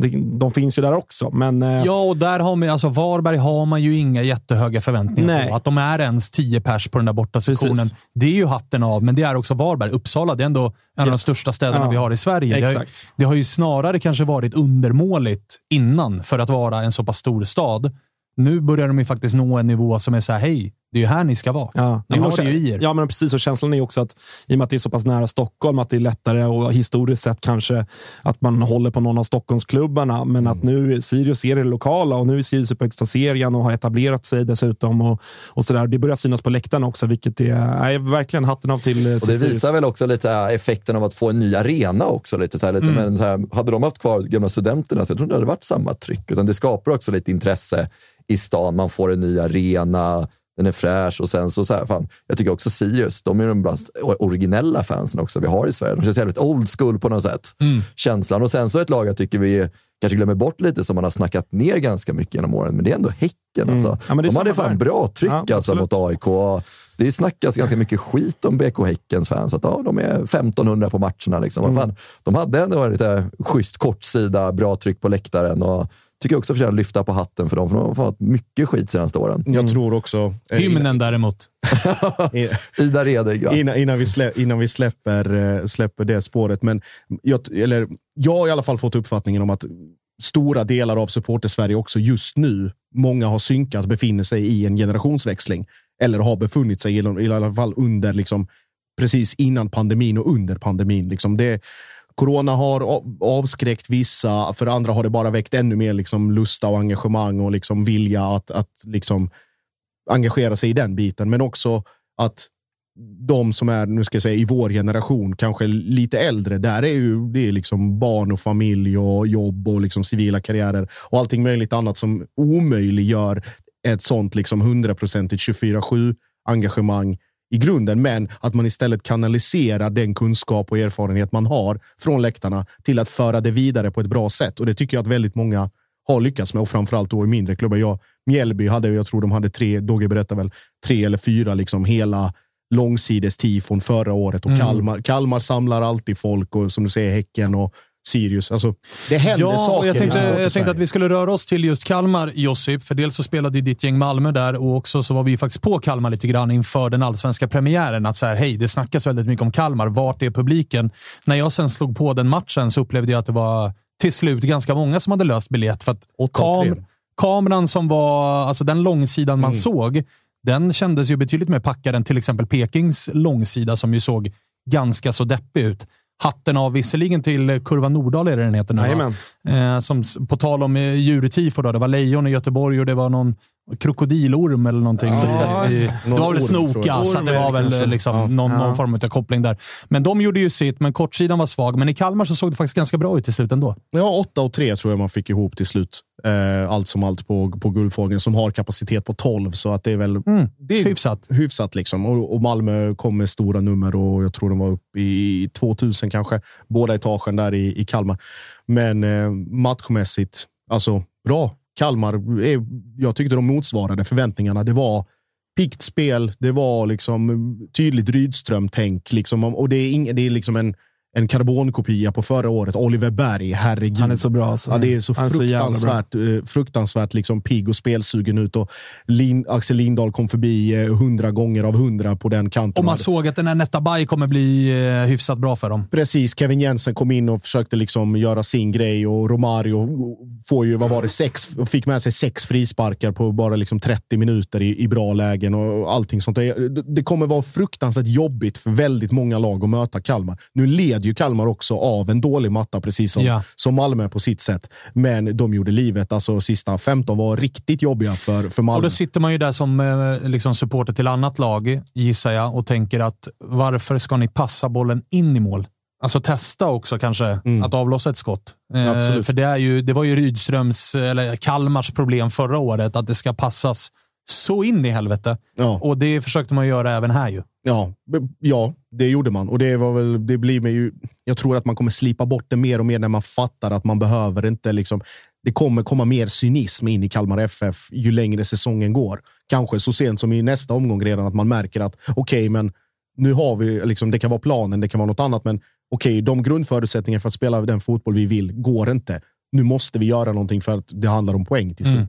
Och på tal om att göra det som behövs för poäng. Skjut. Kiese Thelin, Ja. ett läge, precis som mot Djurgården. Också copy-paste. Ganska likt matchbilden också. Det går svårt, det går trögt. Malmö kunde lätt med tre, å andra sidan kunde lätt med 3-0. efter 15. Ja. Ad, Adinalics volleypassning till eh, Birmancevic är bland det sjukaste jag sett. Landa på foten, han rundar målvakt, han gör liksom, har all tid i världen, missar och sen det är också symptomatiskt för honom att han får det läget i 80 punkterar matchen, skjuter mitt på målvakten och AC serverar honom också. Så att där finns det nog en del liksom, självförtroende grejer att jobba med. Men ett farligt läge, Ola Toivonen kom, comeback, springer på första stolpen, avleder, Kistelin smack, 1-0. Och så Ja, och det var det. Man pratade också om det eh, i studion efter den här matchen. Att Mm. Skillnaden mellan de här två lagen idag var egentligen inte så stor spelmässigt, men skillnaden ser vi plånboksmässigt. För Malmö har råd att ha den kvaliteten som andra lag i serien inte har. Att när matcherna står och väger. Och det är det som är allsvenskan. Många pratar ju alltid om att Malmö borde jogga hem den här serien. Och den typen av spelare har man ju inte råd med, för de får ju samma lön i bättre ligor och kommer ju alltid att välja det alternativet då. Men här ser man ju, alltså tydligare än så här blir det ju inte varför eller hur, på vilket sätt Malmö är på en annan hylla än de andra. För att Kiese Thelin och Ola Toivonen, det är ju klass. Mm. Och då har du ändå en av allsvenskans mest spännande spelare som inte gjorde en själ glad i 90 minuter dessförinnan. Birmancevic. Liksom. Mm. Och sen Sören Rex borta och Peña borta, liksom inte ens i truppen och allt möjligt annan, liksom andra grejer. Så. Hur eh, lack blev man som motståndarsupporter i första halvlek över det där målet som Oliver Berg så gärna ville ha? Och det var väl inga jättetydliga bilder på om det var offside eller inte. Men nog kanske det eventuellt var onside. Alltså jag, jag måste fan säga det. Nu, liksom, när man, jag då som ändå följer internationell fotboll mycket och som liksom, eh, med den förpestningen som har skett av fotbollen med VAR. Alltså jag, jag måste fan säga att jag, jag, jag blev lite glad när det på sina håll, det var även så här, jag har inte kollat repriser på det, men det var något, något av Häckens mål som många AIK-spelare viftade på handen och tyckte det var offside. Det kanske inte ens var. Men jag måste säga att jag blev ändå lite glad att så här, Ja, det kan få vara lite felaktig offside. Det kan få vara någon fot som är på fel sida och domaren missar det. Hellre, alltså jag blev ändå så här, jag kände att det här är ändå min allsvenska. Jag tycker att det piggade upp. Att vi inte behöver stå och vänta i sju minuter för att se om Oliver Bergs högerdoja var liksom på rätt sida och att mål- målet blev godkänt. Nu såklart, absolut, det är klart att man eh, liksom Just när det är Malmö också så blir man lite så här, åh fan, eh, nu är allsvenskan igång. Men he helt ärligt, så, jag måste fan säga det. Skönt. Skönt att vi slapp stå och vänta i 7-8 minuter på att se om det där må- målet var, var, var korrekt eller, eller inte korrekt. Alltså, Men hur har vi inte löst målkamera till den här serien? Nu, var ju, nu är jag rätt säker på att Selmanis boll inte är, eller är det Selmani? Ja, det är så. Ja, det är Selmani. som dansar på linjen. Den ser ju faktiskt aldrig ut att vara över linjen. Men ändå. Hur kan vi inte ha löst målkamera? Ja, för det är, ju ingen, det är ju ingen tidsfråga. Det är, jo, men alltså, som Nej, att nej det in- det är ju ingen kostnadsfråga. Nej, precis. Var, var fattar man ju. Liksom. Det kostar ändå x antal Ja, pengar, och, men och en var, målkamera... var är också så här, där finns det ju liksom ideologiska argument till att så här, vi vill inte ha det, moraliska skäl och det förstör fotbollen och, och hit och dit. Men målkamera är ju en icke-fråga. Ja, alltså, det så är det. förstör Absolut. ingenting. Det enda Absolut. det gör är att hjälpa domare. Ja, är det mål eller inte mål? Ja, Ja. alltså det, det är rätt, rätt basic och det går så fort. Det, det, Mm. Han får en signal i sin klocka. Jag köper det. Och det, det var väl en diskussion kring det målet, eh, kring Bergs offside, offside eller inte offside. Det blir ju såklart som alltid på sociala medier och det blir liksom varför fryser ni bilden där och varför går ni inte tillbaka? Ja. Alltså, hit och dit. Skitsamma, jag är helt inne på ditt spår här. Det drabbar Kalmar den här gången, det kommer drabba AIK, det kommer drabba MFF, det kommer drabba alla lag som är berörda i den här serien. Kanske inte MFF. Nej, inte lika mycket, men, men det är en annan sak. Det vet vi alla att det kommer göra. Men det är När fortfarande... ni leder med 3-0 kanske ni får någon tveksam. Och då, och då blir det liksom, då, då kan man ju ta liksom Rasmus Sjöstedts hands eh, på Nanasis avslut exakt. också. Glenn Nyberg står i, i bra läge, väljer att fria. Ja, men om han står i det läget utifrån hans position, är det, inte, det är precis samma sak som eh, Leo Kornics eh, arm mot Degerfors. Ur Makedoncis vinkel så ser inte han bollen för att han har en spelare i vägen. Glenn ser inte detta för att Sjöstedt är åt det här Och vet du vad man ska göra när man inte är 110% säker? Då ska man låta bli att blåsa. Då ska man låta bli att blåsa. Det är ett litet tips till domaren som dömde AIK Malmö i Svenska cupen. Är du inte 100% säker, då ska du inte blåsa. Skitsamma. arg, ja. Skitsamma. Ni förtjänar att vinna den här matchen, så det, det är inga konstigheter där. Men målkamera däremot, det kan jag faktiskt inte acceptera att vi inte har i den här serien. Det, det tycker jag är eh, under all kritik. Eh, lite blickar tillbaks till eh, kvällens matcher då. Freddy? Bara innan vi går vidare, Ja. sista frågan där. Kalmar-Malmö. Hur var deras fyra plus-värvningar? Kalmars? Oh, jag vet inte ens vem som hade Nej, det är. Mjällbys. Det är Mjällby. Nej, Det är Mjällbys. kommer inte ihåg vi satt och snurrade med i. Kalmar. Ja, just det. Grabb. Kristoffer Karlström, ja. Ja. Kalmarsupporter. Det var ju verkligen fyra plus De hade gjort det bästa fönstret. Ja. Och så att jag är i green room och härjar, så jag får väl skylla på det. Men ja, alltså skrabb. mm, Okej. Skrabb kommer bli nyttig. Han kommer bli nyttig, men det, det här var ju liksom, du, du ramlade inte av stolen, men det var inte dåligt. Utan det var liksom tre plus godkänt med kanske åt det bättre hållet. Blev utbytt där i, i, i slutet av, av liksom, antingen om det var trötthet eller om det var att Kalmar försökte liksom justera någonting. Men jag tyckte väl mest att, att Lindahl och Netabay såg väldigt pigga ut. Däremot någon som knappt förtjänar två plus är Ricardo Friedrich. Som såg fruktansvärt svajig ut, eh, målvakten där. Det, är- de pratade om, eller Kalmar har pratat om att Lukas Hägg Johansson inte alltid var liksom helt hundra i sin timing och hade liksom, var ute och hängde tvätt och bla bla bla. Men Friedrich, eh, det han gör där, att han liksom flyger ut på Birmancevic. Utrustningen där, alltså. Utrustningen och sen hänga tvätt på någon annan fast situation och sen Tycker. Hägg Johansson var bra. stabil. Mm. Och sen den och så hela den incidenten där när eh, Glenn bryter matchen för att han får någon sån konfettirulle på sig. Eller inte ens på sig, utan in på planen och bla bla bla. Liksom. Det, Det var mycket sånt. Det märktes att folk inte har gått på allsvensk premiär på ett tag. Det var Ja, lite och det avbrott i eh, det har varit Hammarby. avbrott överallt. Hammarby-Helsingborg. Ja. Flög in lite grejer vid eh, någon hörna för Mm. Helsingborg, vill jag minnas. Giffarna skickade in pyro på eh, Tommy Det- Vaiho. ja, otippat. Otippat ja. Och sen Uppfriskande så, också. Och sen så hade vi lite ett avbrott i, i Malmö, eller Mm. Kalmar-Malmö. Hade vi någonting nere på hissingen eller höll du dig lugn? Jag höll mig lugn. Alla tog inte rygg på mig. Det var, men inga, inga avbrott så på matchen. Men det är klart att... Det eh, haglade ju in. Man såg grejer flyga. Det var Ja, de det gjorde det. Det var, så är det. och Samtidigt som Internboxen haglade ju sådär, men det var ingenting som påverkade spelet Ah, kanske. Okej, okej. det var lite mer rörigt. På. Där, däremot eh, också tips till, till alla mina branschkollegor. Det är hagla. Välj med eh, omsorg, det Mm. ordet. Ja, Två, två eh, vad heter det, en påse jordnötter och en husky chocolate in på planen. Det är inte att hagla. nej, nej. Det var en Bayern-match. husky i Bayern som flög in. Var det det? Ja, det var någon som sulade inne på någon hörnläggare där. Och vi blev också cred där, utpekad direkt eh, av de andra på läktaren så att vakterna tog hand om det. Liksom. Deppig premiär. Ja. Alltid trist och så här, utskickad i femtonde. Varför? Körde in en husky. Husky vodka. Klart att det är trist. Nej. Men du eh, Fredde, vi har ju avklarat våra premiärmatcher. Hur är dina nerver inför eh, det som väntar ikväll? För det som många var inne på, ni hade problem med Degerfors. Eh, Ni torskade borta mot dem i fjol. Då gjorde i och för sig Viktor Edvardsen båda målen. Han spelar nu i ditt gäng. Men, men hur, är, hur är premiärnerverna? Ja, men det var ju som Mange var inne på också, så här, Degerfors, det är inget lag man bara heller städar av. De har ändå förtjänat sin position i allsvenskan tycker jag. Och kikar man liksom på deras gubbar, liksom, de får behålla en Adam Carlén. Otroligt imponerad av hans förra säsong. De har fått in hypat nyförvärv i Diego Campos. Mm. Surras mycket om honom. Kanske att han kommer nämnas som allsvenskans Messi. Ja, i exakt. exakt. Ja, det, finns referenser till dem.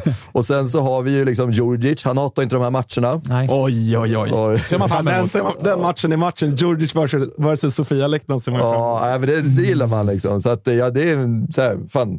Det kommer bli en jävligt rolig match idag tror jag. Och, eh, vi ligger ju på 20 000 plus sålda biljetter. Lär väl landa runt 22-23 idag. Eh, Så det kommer vara bra tryck. Det pratas om att, eller ni nämnde att det kastades in mycket saker.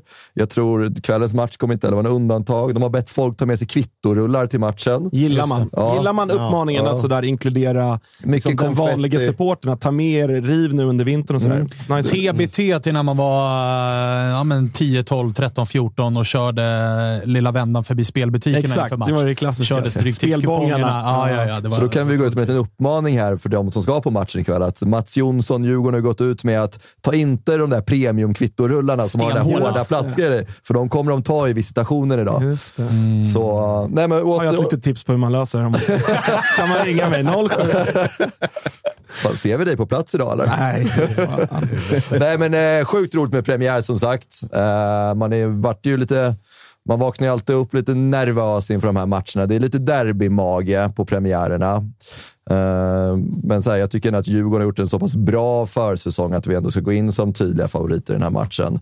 Sen ska det bli intressant hur de sätter upp laget, hur, hur det kommer se ut. Om det blir Haksabanovic till vänster Ja, det Edvardsen och de har inte jättemycket speltid. Uh, se om det kanske blir en, eventuellt en, en Asoro. Surras det lite om, kanske från start.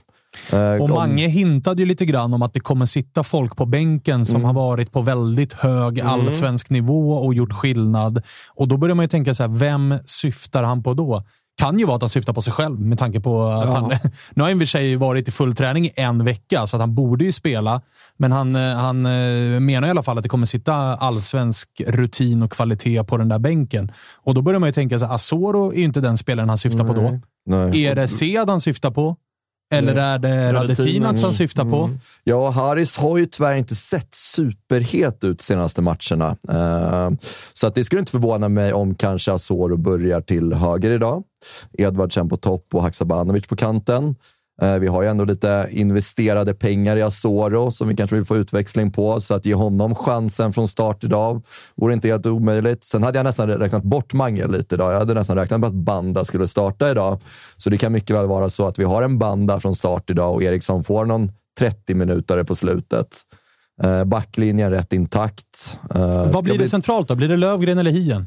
jag tror att jag är säker på att det blir Hien. Okej. Eh, Löfgren är nog inte riktigt i matchformen. Det har ändå varit ganska sargad i den här körtelfebern, så jag tror att han, han behöver några matcher att komma in i matchform. Men så här, konstigare saker har hänt. Men jag tycker att Hien, han har inte heller gjort bort sig helt och hållet. Så att Hien från start tillsammans med Hjalmar, det är inget dåligt mittlås det heller. Så att det blir så här, ja, men starta Löfgren, jättebra. Hien, jättebra. Eh, så att så här, det, det är mer framåt som jag tror det kan ske lite överraskningar idag. Det är om Haksabanovic startar. Jag vet inte, Kim och Tolle kan överraska. Skulle kunna ha Haxa på bänken, sätta in honom med 30 kvar och För, ta ut Edvardsen på kanten. Känner jag Kim och Tolle rätt så har de ju under sin tid i Djurgården, de har inte varit bang på att sätta prestigevärvningar på bänken, vilket ju har lett till alltså, både SM-guld, men det har också rätt till, lett till en del upprörda miner hos eh, spelare som har varit oönskade i elvan och varit ute och svingat och så vidare. Så att de kommer ju inte spela det laget som är profilstarkast, utan det laget de tror är bäst för att vinna matchen. Det har de ju gjort under hela sin tid. Absolut, absolut. Och så är det ju. Och men, så här, om, om, om jag får välja lite framåt då, då skulle jag gärna se Soro på kanten faktiskt, ute på högerkanten och sen Edvardsen och eh, Haksabanovic på, på vänsterkanten. För de, Asoro och Haksabanovic, det är klart, det är lite kvalitetsskillnad på dem, men de är ganska lika i spelartyperna. Tekniska spelare, gäller att komma in, skjuta från kanten, även slå inlägg. Och Edvardsen där uppe, han är inte skitdålig på huvudet. Han kan, det finns potential att bli bättre, men jag tror den, den grejen hade varit intressant att se idag. Sen får vi se om Edvardsen, eller om Eriksson startar idag helt enkelt. Det får vi se. Du säger att du har lite derbymage. Vi ska kolla hur det är med Sissis mage. Hon är väl någonstans runt Boråstrakten nu och laddar upp inför premiären mot Mjällby. Nu har vi med Hallå. oss Sissi. Hej på dig! Eh, vi, Hej! vi pratar med Freddy här. Han har derbymage inför Djurgården-Degerfors. Hur är det med din mage inför Elfsborg-Mjällby? Nej, jag är kolugn. Är du det? Jag är bara aspepp. Ah, Okej, okej. Du räknar med det är tre poäng in på kontot och en, och en härlig måndagkväll. Ja, det, det kan inte bli något annat. Fast nu jinxar jag sönder, men jag tror att det blir Tänkte precis säga det. Vilken jävla Jag ögning. kommer få äta upp detta sen. Jag är, jävla- jag är ju inte riktigt ödmjuk jämt. Så. Men det blir tre poäng. Hur ser uppladdningsschemat ut? Vi hade med oss Mange Eriksson, lagkapten i Djurgården. Han var väldigt så här, nej men det är, jag tar det lugnt fram till 90 minuter innan avspark. Han var och hämtade barn på förskolan och grejer. Jag gissar att det inte riktigt är din melodi. Nej, men jag är på arenan och väntar på att baren ska öppna upp och öppna vid fem, så kör vi. Jag, är, jag ska ha en riktig panguppladdning idag. Och satan, 15 på arena. Du är där bra mycket tidigare än spelarna. Vad är det som försiggår redan nu? Är det tifo-fix eller är det bara liksom vänta på att baren öppnar? Nej, det är lite fix och lite, ja, lite prepp och sånt som ska fixas. Härligt. Du, eh, hur mycket, Ja. hur mycket sålda är det ikväll? Nej, nej men gud, det är en sån pinsam siffra. Jag, nej, men de som är här är äkta. Ja, det får man lov att säga. Kan vi förvänta oss någonting av den där kortsidan då? Vi pratade tidigare i- programmet om att det har varit Ja. bra koreografier den här premiäromgången på sina håll och kanter runt om i Sverige. Kommer Elfsborg Ja. också leverera? Ja, vi får göra det. Bara Men något? Ja, det blir det. Jag kryptisk? säger ja. Väldigt kryptisk. Kommer det, vara, kommer det innefatta pyroteknik kanske? Vad tror du? Kul att det kör, säger jag. Ah, Okej. Okej. 10 av 10. Ja, snart. det, Klass. det, det eh, får vi lov att säga.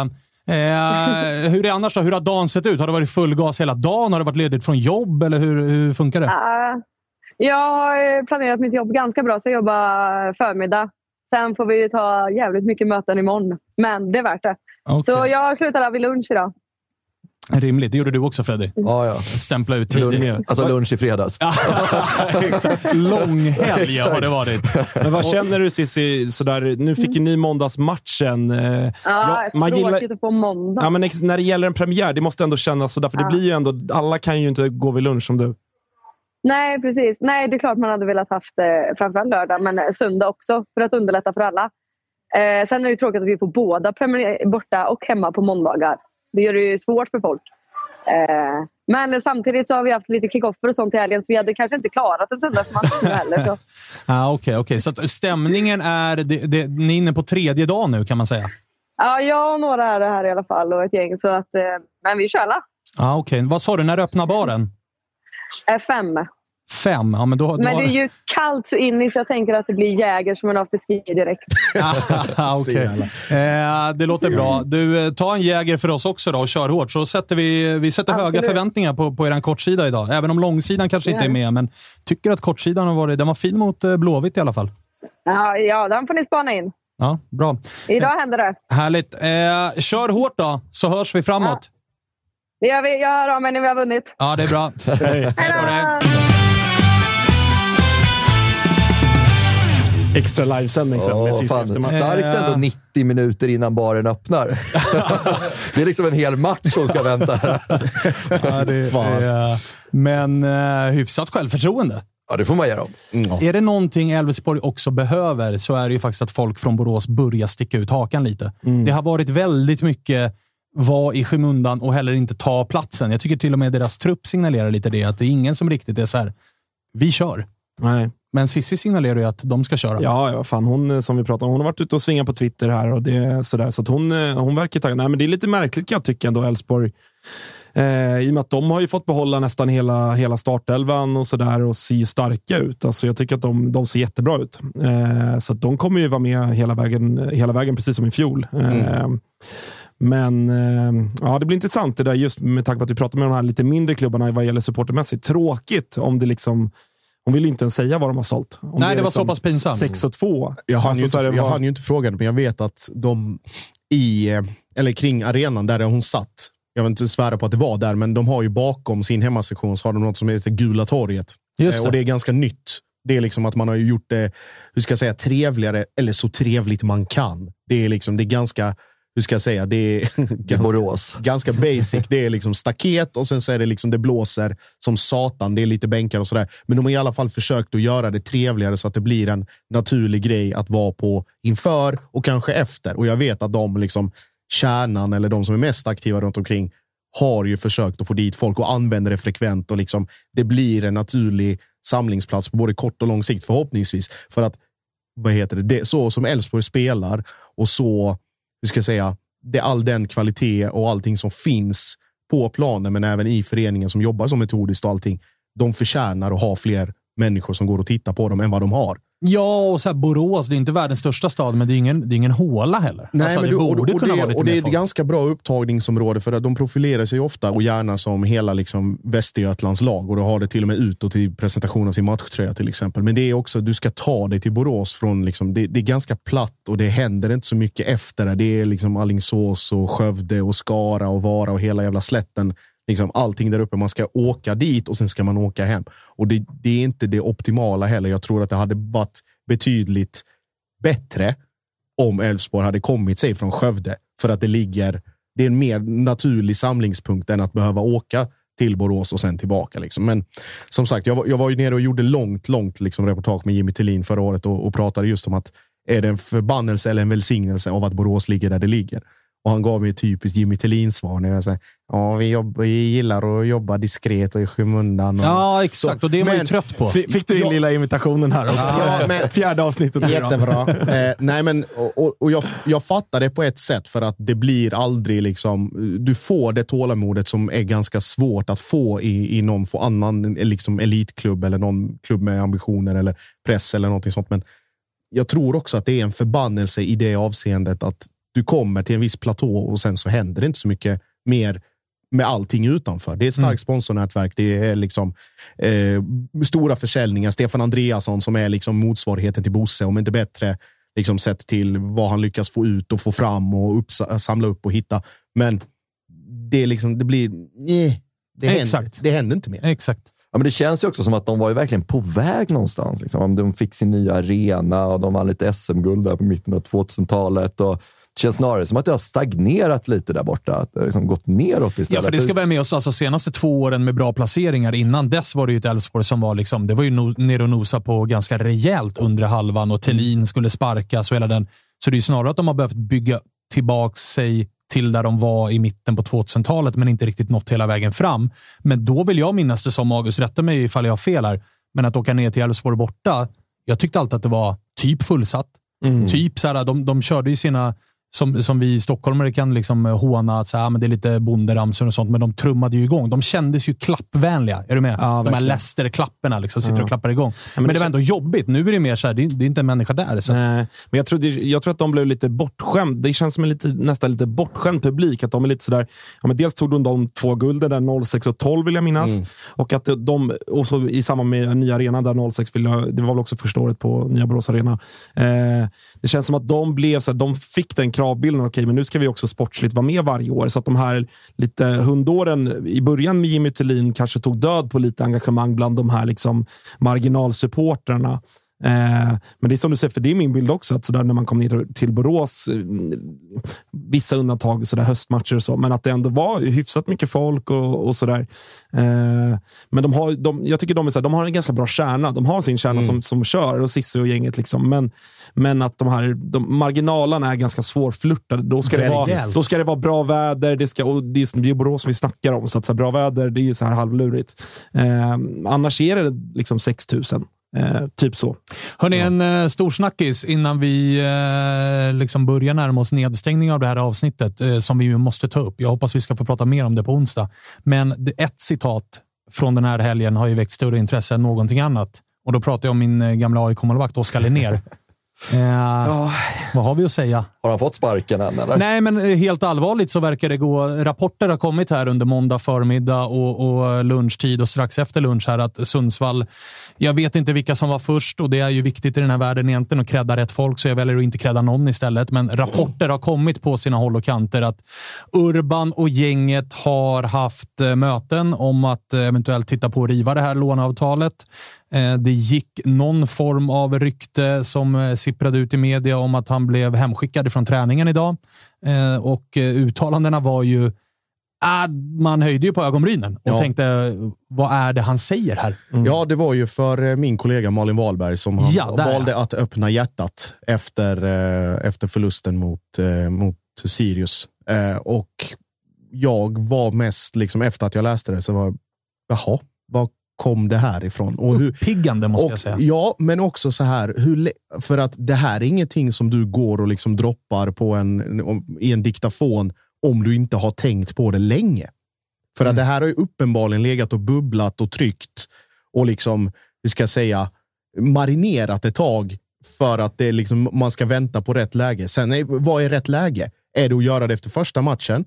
Där du förlorar och är det liksom irritation och affekt? Eller är det efter tre matcher in när du fortfarande sitter på bänken trots att man har släppt in åtta mål på tre och ligger toksist? Ja, och på tal om att släppa in åtta mål på tre. Oskar Linnér på försäsongen har ju släppt in sju på två. Så att jag menar, det, det, det kanske inte riktigt är läge att säga att Det är så många han sa. frågetecken med allting där. Och det, de som var liksom, det var ju lokalmedia, det är Sundsvalls tidningar som skrev det här om att hemskickad från frukosten och krismöten Mm. och alltihopa. Alltså, om jag ska säga två tankar i huvudet samtidigt. Jättemärkligt alltihopa, men också fruktansvärt uppiggande. Ja. För att det blir aldrig tråkigt i den här serien. Och vi, vi tänker, ah, hur fan ska vi sitta och och ha ämnen att prata om tre gånger i veckan? Så här. Ämnena kommer ju till oss för fan. ge oss Allt- fem i veckan. allt bara alltså, Vi kör måndag till fredag. Och jag har svårt att se det här hända i någon liknande liksom, omfattning eller på ett liknande sätt i Danmark eller i Norge eller någonting där man är mer frispråkig. Eller det, är liksom så. Det här kommer bara liksom out of the blue och sen får man bara förhålla sig till det. Vilket Mm. är skitkul. Är du eh, förvånad, August? Jag, vill- äh, jag vill säga ja, men nej. Alltså han, han, Oscar är ju på många sätt ändå väldigt klok och det var ju mycket det som han fick så mycket ros för i AIK när han kom fram som väldigt ung. Att han var så mogen i sitt sätt att se på fotboll, sitt sätt att se på liksom samvaron och all, allting så. Eh, men känslan sen han lämnade AIK i och med att han inte har fått spela någonstans. Han har väl gjort, vi pratade om det, han har gjort 45 minuter. Ja, och det ska man också så här, äh, reagera lite grann på. att han, det, det, gör ju också att de här citaten han drar till med, de, de, de smakar ju lite illa när han säger att hej, jag kommer ifrån Bundesliga. Mm, mm. Och det gör han ju inte, för i Bundesliga har han ju inte spelat en sekund. Han blir utlånad till Brescia i Serie B, där han får göra ett inhopp, släpper två mål. Han har spelat typ 40 minuter fotboll sen han lämnade AIK. Så att han kommer ju faktiskt från en bänk i Serie B till GIF Sundsvall, släpper sju mål på två matcher på försäsongen och då väljer man en, andra, en annan målvakt i, i premiären. Så att jag menar, den kommer ju inte helt liksom out of the blue. Kan den inte göra. Uppenbarligen gör den det för Oscar, mm. men för oss som tittar på det här utifrån så är det ju så här. Ja, det är Samtid ju inte helt orimligt. Samtidigt som han också är fotbollsspelare och alla fotbollsspelare tycker ju och tror, det måste de väl göra för att komma dit de har kommit, att de är liksom världsklass allihopa. Eh, så att så här, självbild och fotbollsspelare går ju sällan kanske hand i hand. Men eh, det är klart att det blir ju jättekonstigt. Jag förstår ju våran, eh, våran vän Johan Martinsson eh, som har varit med här ett par gånger blev ju tokig och skrev en lång mm. tråd om det här på Twitter. Han jag, vill ju att man bara rider. Ja, och, jag, och så, han fick också lite mothugg. Jag tror att det var från AIK. Och då, där blev jag bara så här, men vänta nu hörni. Nu är det trots allt Sundsvall han är i. Sundsvallssupportrarna, de måste ändå få ha tolkningsföreträde här, vad de känner kring den här situationen. Ja. Det är trots allt deras klubb de är i. Som han är inlånad Oscar är inlånad där ett halvår eller vad det är. Alltså så här, jag förstår, jag hade också varit helt tok om jag var Sundsvallssupporter. Alltså där, där, där backar jag Martinsson 100%. Och vi, vi får hoppas ändå ta upp det här kanske med honom någon gång i veckan. Ja. Eh, utifrån vad som händer med Oskar Linnér i Sundsvall. Men det är ju såklart det är en jätte, det blir en superolycklig situation för alla här. Sundsvall är såklart inte nöjda. Det har inte blivit vad de tänkte. Och Oskar inte minst. Som, ja, men som sagt, han har inte spelat fotboll sen, sen han var i AIK. Så att han börjar väl bli lite stressad över den där karriären. Allt för länge kan man inte gå utan speltid tror jag. Framförallt kanske inte som målvakt. Då är det lätt att du hamnar i det där facket som, som vissa har gjort under åren. Att du är den här klassiska andra slipsen som aldrig spelar, utan du är, du är en skön snubbe i omklädningsrummet. Det är ju eh, för övrigt min... Eh, alltså på scen, när man var yngre tonåren, då drömde man ju om att man skulle bli ny Maradona. Äldre tonåren, det var ju då man började förstå att andra målvakt är dröm. ja. Bara hänga med grabbarna i omklädningsrummet, få bra pröjs, aldrig behöva någon press. Nej. Är det så att du får spela någon match så är det ju för att den första målvakten är avstängd eller skadad. Du kan ju kasta in tre, för att alla på läktaren vet ju att han är andra målvakt. Tänkte Lindegard i Helsingborg. Ja, men det är ju drömrollen. Alltså, han var väl i United i fem år, typ. Ja. Tredje slips. Så, så Lyfte stabila tre miljoner i månaden. Ja. Men också, du måste alltid vara på rätt sida dålig. Alltså du får inte liksom, du, du, när du vill göra den matchen och, och, slänger in, du kan ju inte liksom hålla på med tv-räddningar och sånt. Då kommer folk, oh, han kanske ska liksom... Då kommer den här pressen ah, nej, helt nej, nej, i onödan. Ja, ja, ja. Bara, jo, men alltså, du kan ju gör, gör tre monsterräddningar, men ja. kasta in två. Så är det så här, han är för ojämn. Vi litar inte på honom. Perfekt. Ja, det, det, är rusk. Och så bara hänga på... Alltså, drömmen är ju bara glida runt på hotell i tofflor och mjukisar och liksom hänga med polarna. Kanske röka en cigg med materialet. för det, också, och det var ju också det man kom på i de äldre tonåren, att som målvakt behöver du ju inte samma fysik. Du behöver inte maxa beep-testet, för du är trots allt målvakt. Så att, eh, det var ju dröm. Eh, på tal om eh, halvsvajiga karaktärer då, Freddy. Du ska få avsluta det här programmet med att berätta vad du tror om Viktor Edvardsen, för han kommer ju få han kommer ju vara Discoverys liksom man of the match innan. De kommer ju såklart zooma in på honom. Dels för att de bjuder på de citaten han gör. Han är den profilen han är. Men sen är det alltid speciellt att möta sitt gamla lag. Ju. Hur tror du han klarar det? Nej, men jag tror att han har ju valt Djurgården på något sätt att han vill ju komma till en storstadsklubb, så att psyket har han. Uh, ska vi se vad han kan förvandla psyket till om det blir något positivt eller negativt. Men jag är rätt säker på att det blir något positivt. Sen är det ju såklart viktigt att få göra det där första målet. Det är en annan sak att göra mål i Svenska kuppen mot halvdassigt division 2-lag. Uh, eh, det är nu det börjar liksom och det är nu pressen börjar och vi snackade man lite med honom förut och då var jag inne på det att så här, ja, fan, vad händer om det går 6-7 matcher och man inte får in den eh, med, med det mentala? Men jag tror att eh, här, det här är en perfekt match för honom att börja med. Att möta Degerfors, det blir lite den här grejen att det blir, blir, för honom blir det nästan som att gå in och spela ett derby, liksom, att han får möta det här laget han lirade med förut. Det är mycket glidningar från tidigare polare i laget, så jag tror att för Edvardsen så hade Degerfors eller ett AIK Bayern varit det perfekta första laget att möta i allsvenskan. Känns så... det inte lite make it or break it redan första matchen då? Att så här, du vet, han hade, och framförallt med tanke på alltså, semifinalen mot uh, Malmö, mm. där han inte får in bollen. Och det var liksom det första testet. Nu får man Degerfors, gamla laget, i premiären. Choke även här. Edvardsen känns ju som att gör han mål idag, han kan göra 19 mål den här mm, säsongen. Verkligen. Gör han inte mål idag, då kommer... Alltså, jag ska inte säga att det är liksom någon kris överhuvudtaget, men folk kommer ju så här vart är målen gubben? Du kom hit för att göra målen. Ja, exakt, nu chokade du mot Malmö. Idag. Du möter Degerfors på hemmaplan. Och att man tidigt, han själv kanske till och med, tidigt börjar liksom tänka. Och en spelare som Viktor Edvardsen vill man ju inte ska tänka. Han ska ju bara köra. Verkligen, verkligen. Det tycker jag man såg på den här dokumentären också som rullade på public service tv. Att så här, han var, det är nog en ganska lång måltorka i allsvenskan förra säsongen.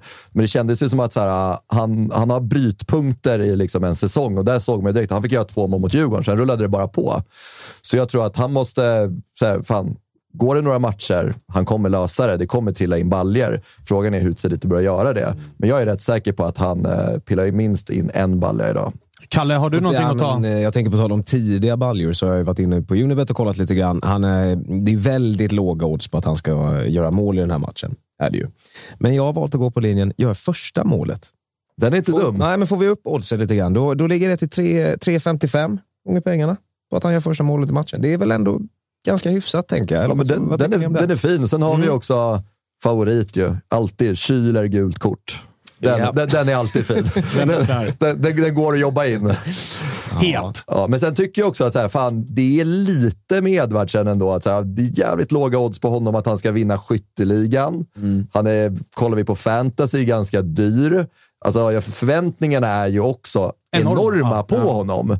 Vilket är så här, är det förtjänt? Så här, vi har en Isak Kiese som ändå har levererat lite utomlands gjort några landslag, landskamper, levererat i ett topplag. Edvardsen har inte riktigt gjort det än.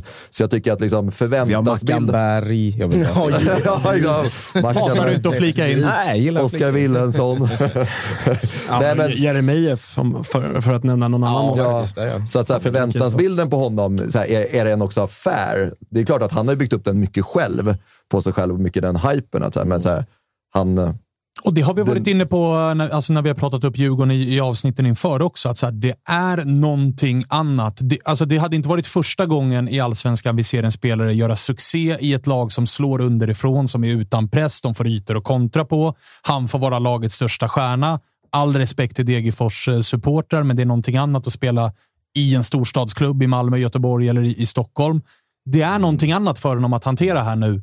Och det är inte, eller jo, det är lite upp till bevis för Viktor Edvardsen den här säsongen. Att har han det i sig också?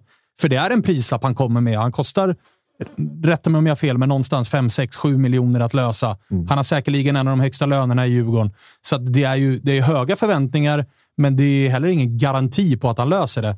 Däremot så tror jag, som jag är inne på, han behöver inte göra mål idag, för att jag ska säga att så här, det här är succén i förvärv. Får han in en boll de här första tre matcherna så tror jag att det kan lossna för honom rejält och att han kan skyffla in 18. Mm. Han är ju en sån spelare att hamnar han i zonen, då är han otrolig. Och det jag gillade med honom förra säsongen var att i de stora matcherna så växte han. Mm. Mot AIK har han avgjort, mot Djurgården har han avgjort, mot Malmö har han varit bra. Han avgör båda matcherna mot Örebro som är deras derby. Så att han har ju visat att det finns ett pannben där. Men det finns ett frågetecken i att kan han klara det med den här pressen utifrån? För den fanns inte i Degerfors. Den finns i Djurgården. Enligt oddsen så, så ska han ju göra det. Nej, exakt. Jag tycker att eh, surfa in på Unibet och eh, spela på det. Det är mitt lilla tips. Eh, man måste vara 18 år för att spela.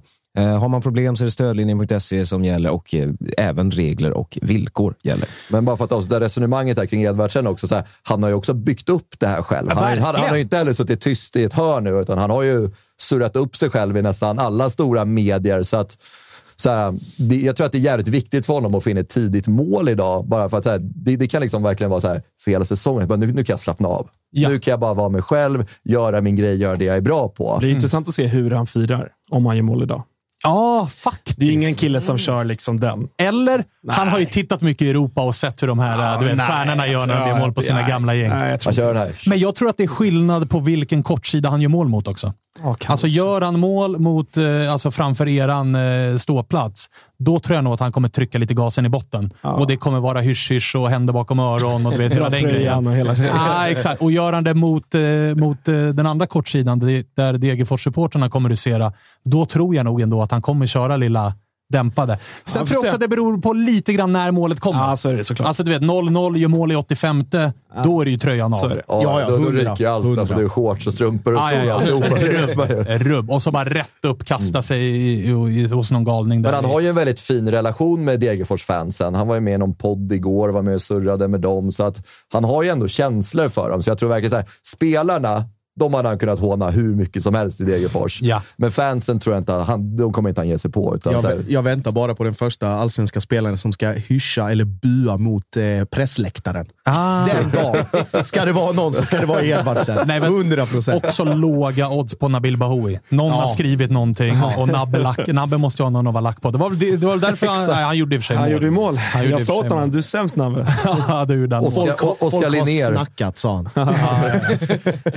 Fredde, hur ser eh, resten av dagen ut då? Klockan är 15.30 någonting och det är avspark om ett par timmar. Är det bara rätt ut till närmsta kran nu, eller? ja, Då menar jag det- ölkran. man är- Jag menar öl. Ja. Jaha, jag var på väg någon annanstans.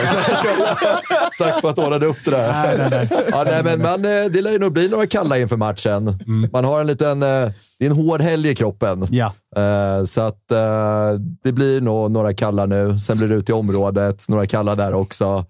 Sen ska man vara på plats 18.30 på läktaren. Så, 18.30. men de har ju starkös, starkölsbaren är öppen också. Så Ja, den, du hat- kör den den, den, sidan. den hatar man ju inte. Ja, du Det blir, det blir också en snabb rulle på kepsgrillen. Ja, Det- absolut. Kanske en husky vodka också. Kanske står kvar från i lördags. Stand, standardrundan med andra. Exakt. Ni ska inte köra någon sån här, för visst var det Djurgården som gjorde det? En marsch som, Från var den här 40, grillen, ja. som var 42 meter lång ungefär. Ja, det var ju magiskt. Ja, kör ni någon sån premiärgrej eller? Alltså, ja, Bayern har ju sin promenad. Vi har ju våran bussmottagning. Ja. Kör, kör ni något eller? Djurgården? Har ni någon sån här typ, tradition? är ingen riktigt sånt som vi gör liksom nu på arenan, som vi gör kring matcherna, kring premiärerna, utan det är mer god stämning på arenan. Open air Mycket- G. mycket- Dixon live. Just det. Fan, Josip, den, den, det eventet hade du inte hatat. Det är var, var man för sig själv Exakt. Men det är också lite intressant. Vi har ju haft lite problem med så här Globenområdet och sånt och det är inte så jävla sexigt på Globenområdet heller. Liksom, att hitta den här samlingsplatsen. Det börjar sös lite om Gamla stan nu, men eh, tror det, det, det måste vi fan jobba upp lite bättre kan jag tycka, Djurgårdarna tillsammans. Jag vet att många har ambitioner, eh, men det är ingen som riktigt tar tag i det. Men det har surrats ganska mycket om Gamla stan, vilket jag tror hade varit ett kanonområde. Och apropå Bayerns marsch där i lördags, var jag ute på min första löprunda på tre och ett halvt år. Bra timing. löpte rakt in i marschen. Bra timing. Kom på att just det, det är nog fotboll idag. Ja, Faktiskt. väldigt. Faktiskt. Körde du amerikansk fotbollutrustning och bara plöjde? Hur- Absolut, ja, rakt igenom. Ja, det är bra. Sen upp på Bondegatan. Det är bra. Eh, hörru, kör hårt ikväll då. Tackar vi för. Det ska bli Ja. trevligt. Kul med Allsvensk premiär. Ni fick uppleva det i helgen. Ja, det var jag får uppleva svinkul. det om tre, fyra timmar. Ja. Eh, vi är tillbaka igen på onsdag. Då får vi se hur det gick för er och så får vi se vilka gäster vi har i eh, studion då. Förhoppningsvis namnstarkt, August. Det är upp till dig att leverera lite. här Ja, känner vi jobbar. Vi jobbar eh, nej, vi ska inte sitta och lova. Nej, lova ingenting. Eh, lyssna eh, och tack till alla er som lyssnar och sprider och ger oss kärlek och sådär. Jättefint! Och glöm inte att följa oss på Instagram och Twitter och precis överallt. Podden hör ni på Spotify och överallt annars där ni lyssnar på era poddar. Vi är tillbaka onsdag 14.00 live på YouTube och Twitch. Ciao på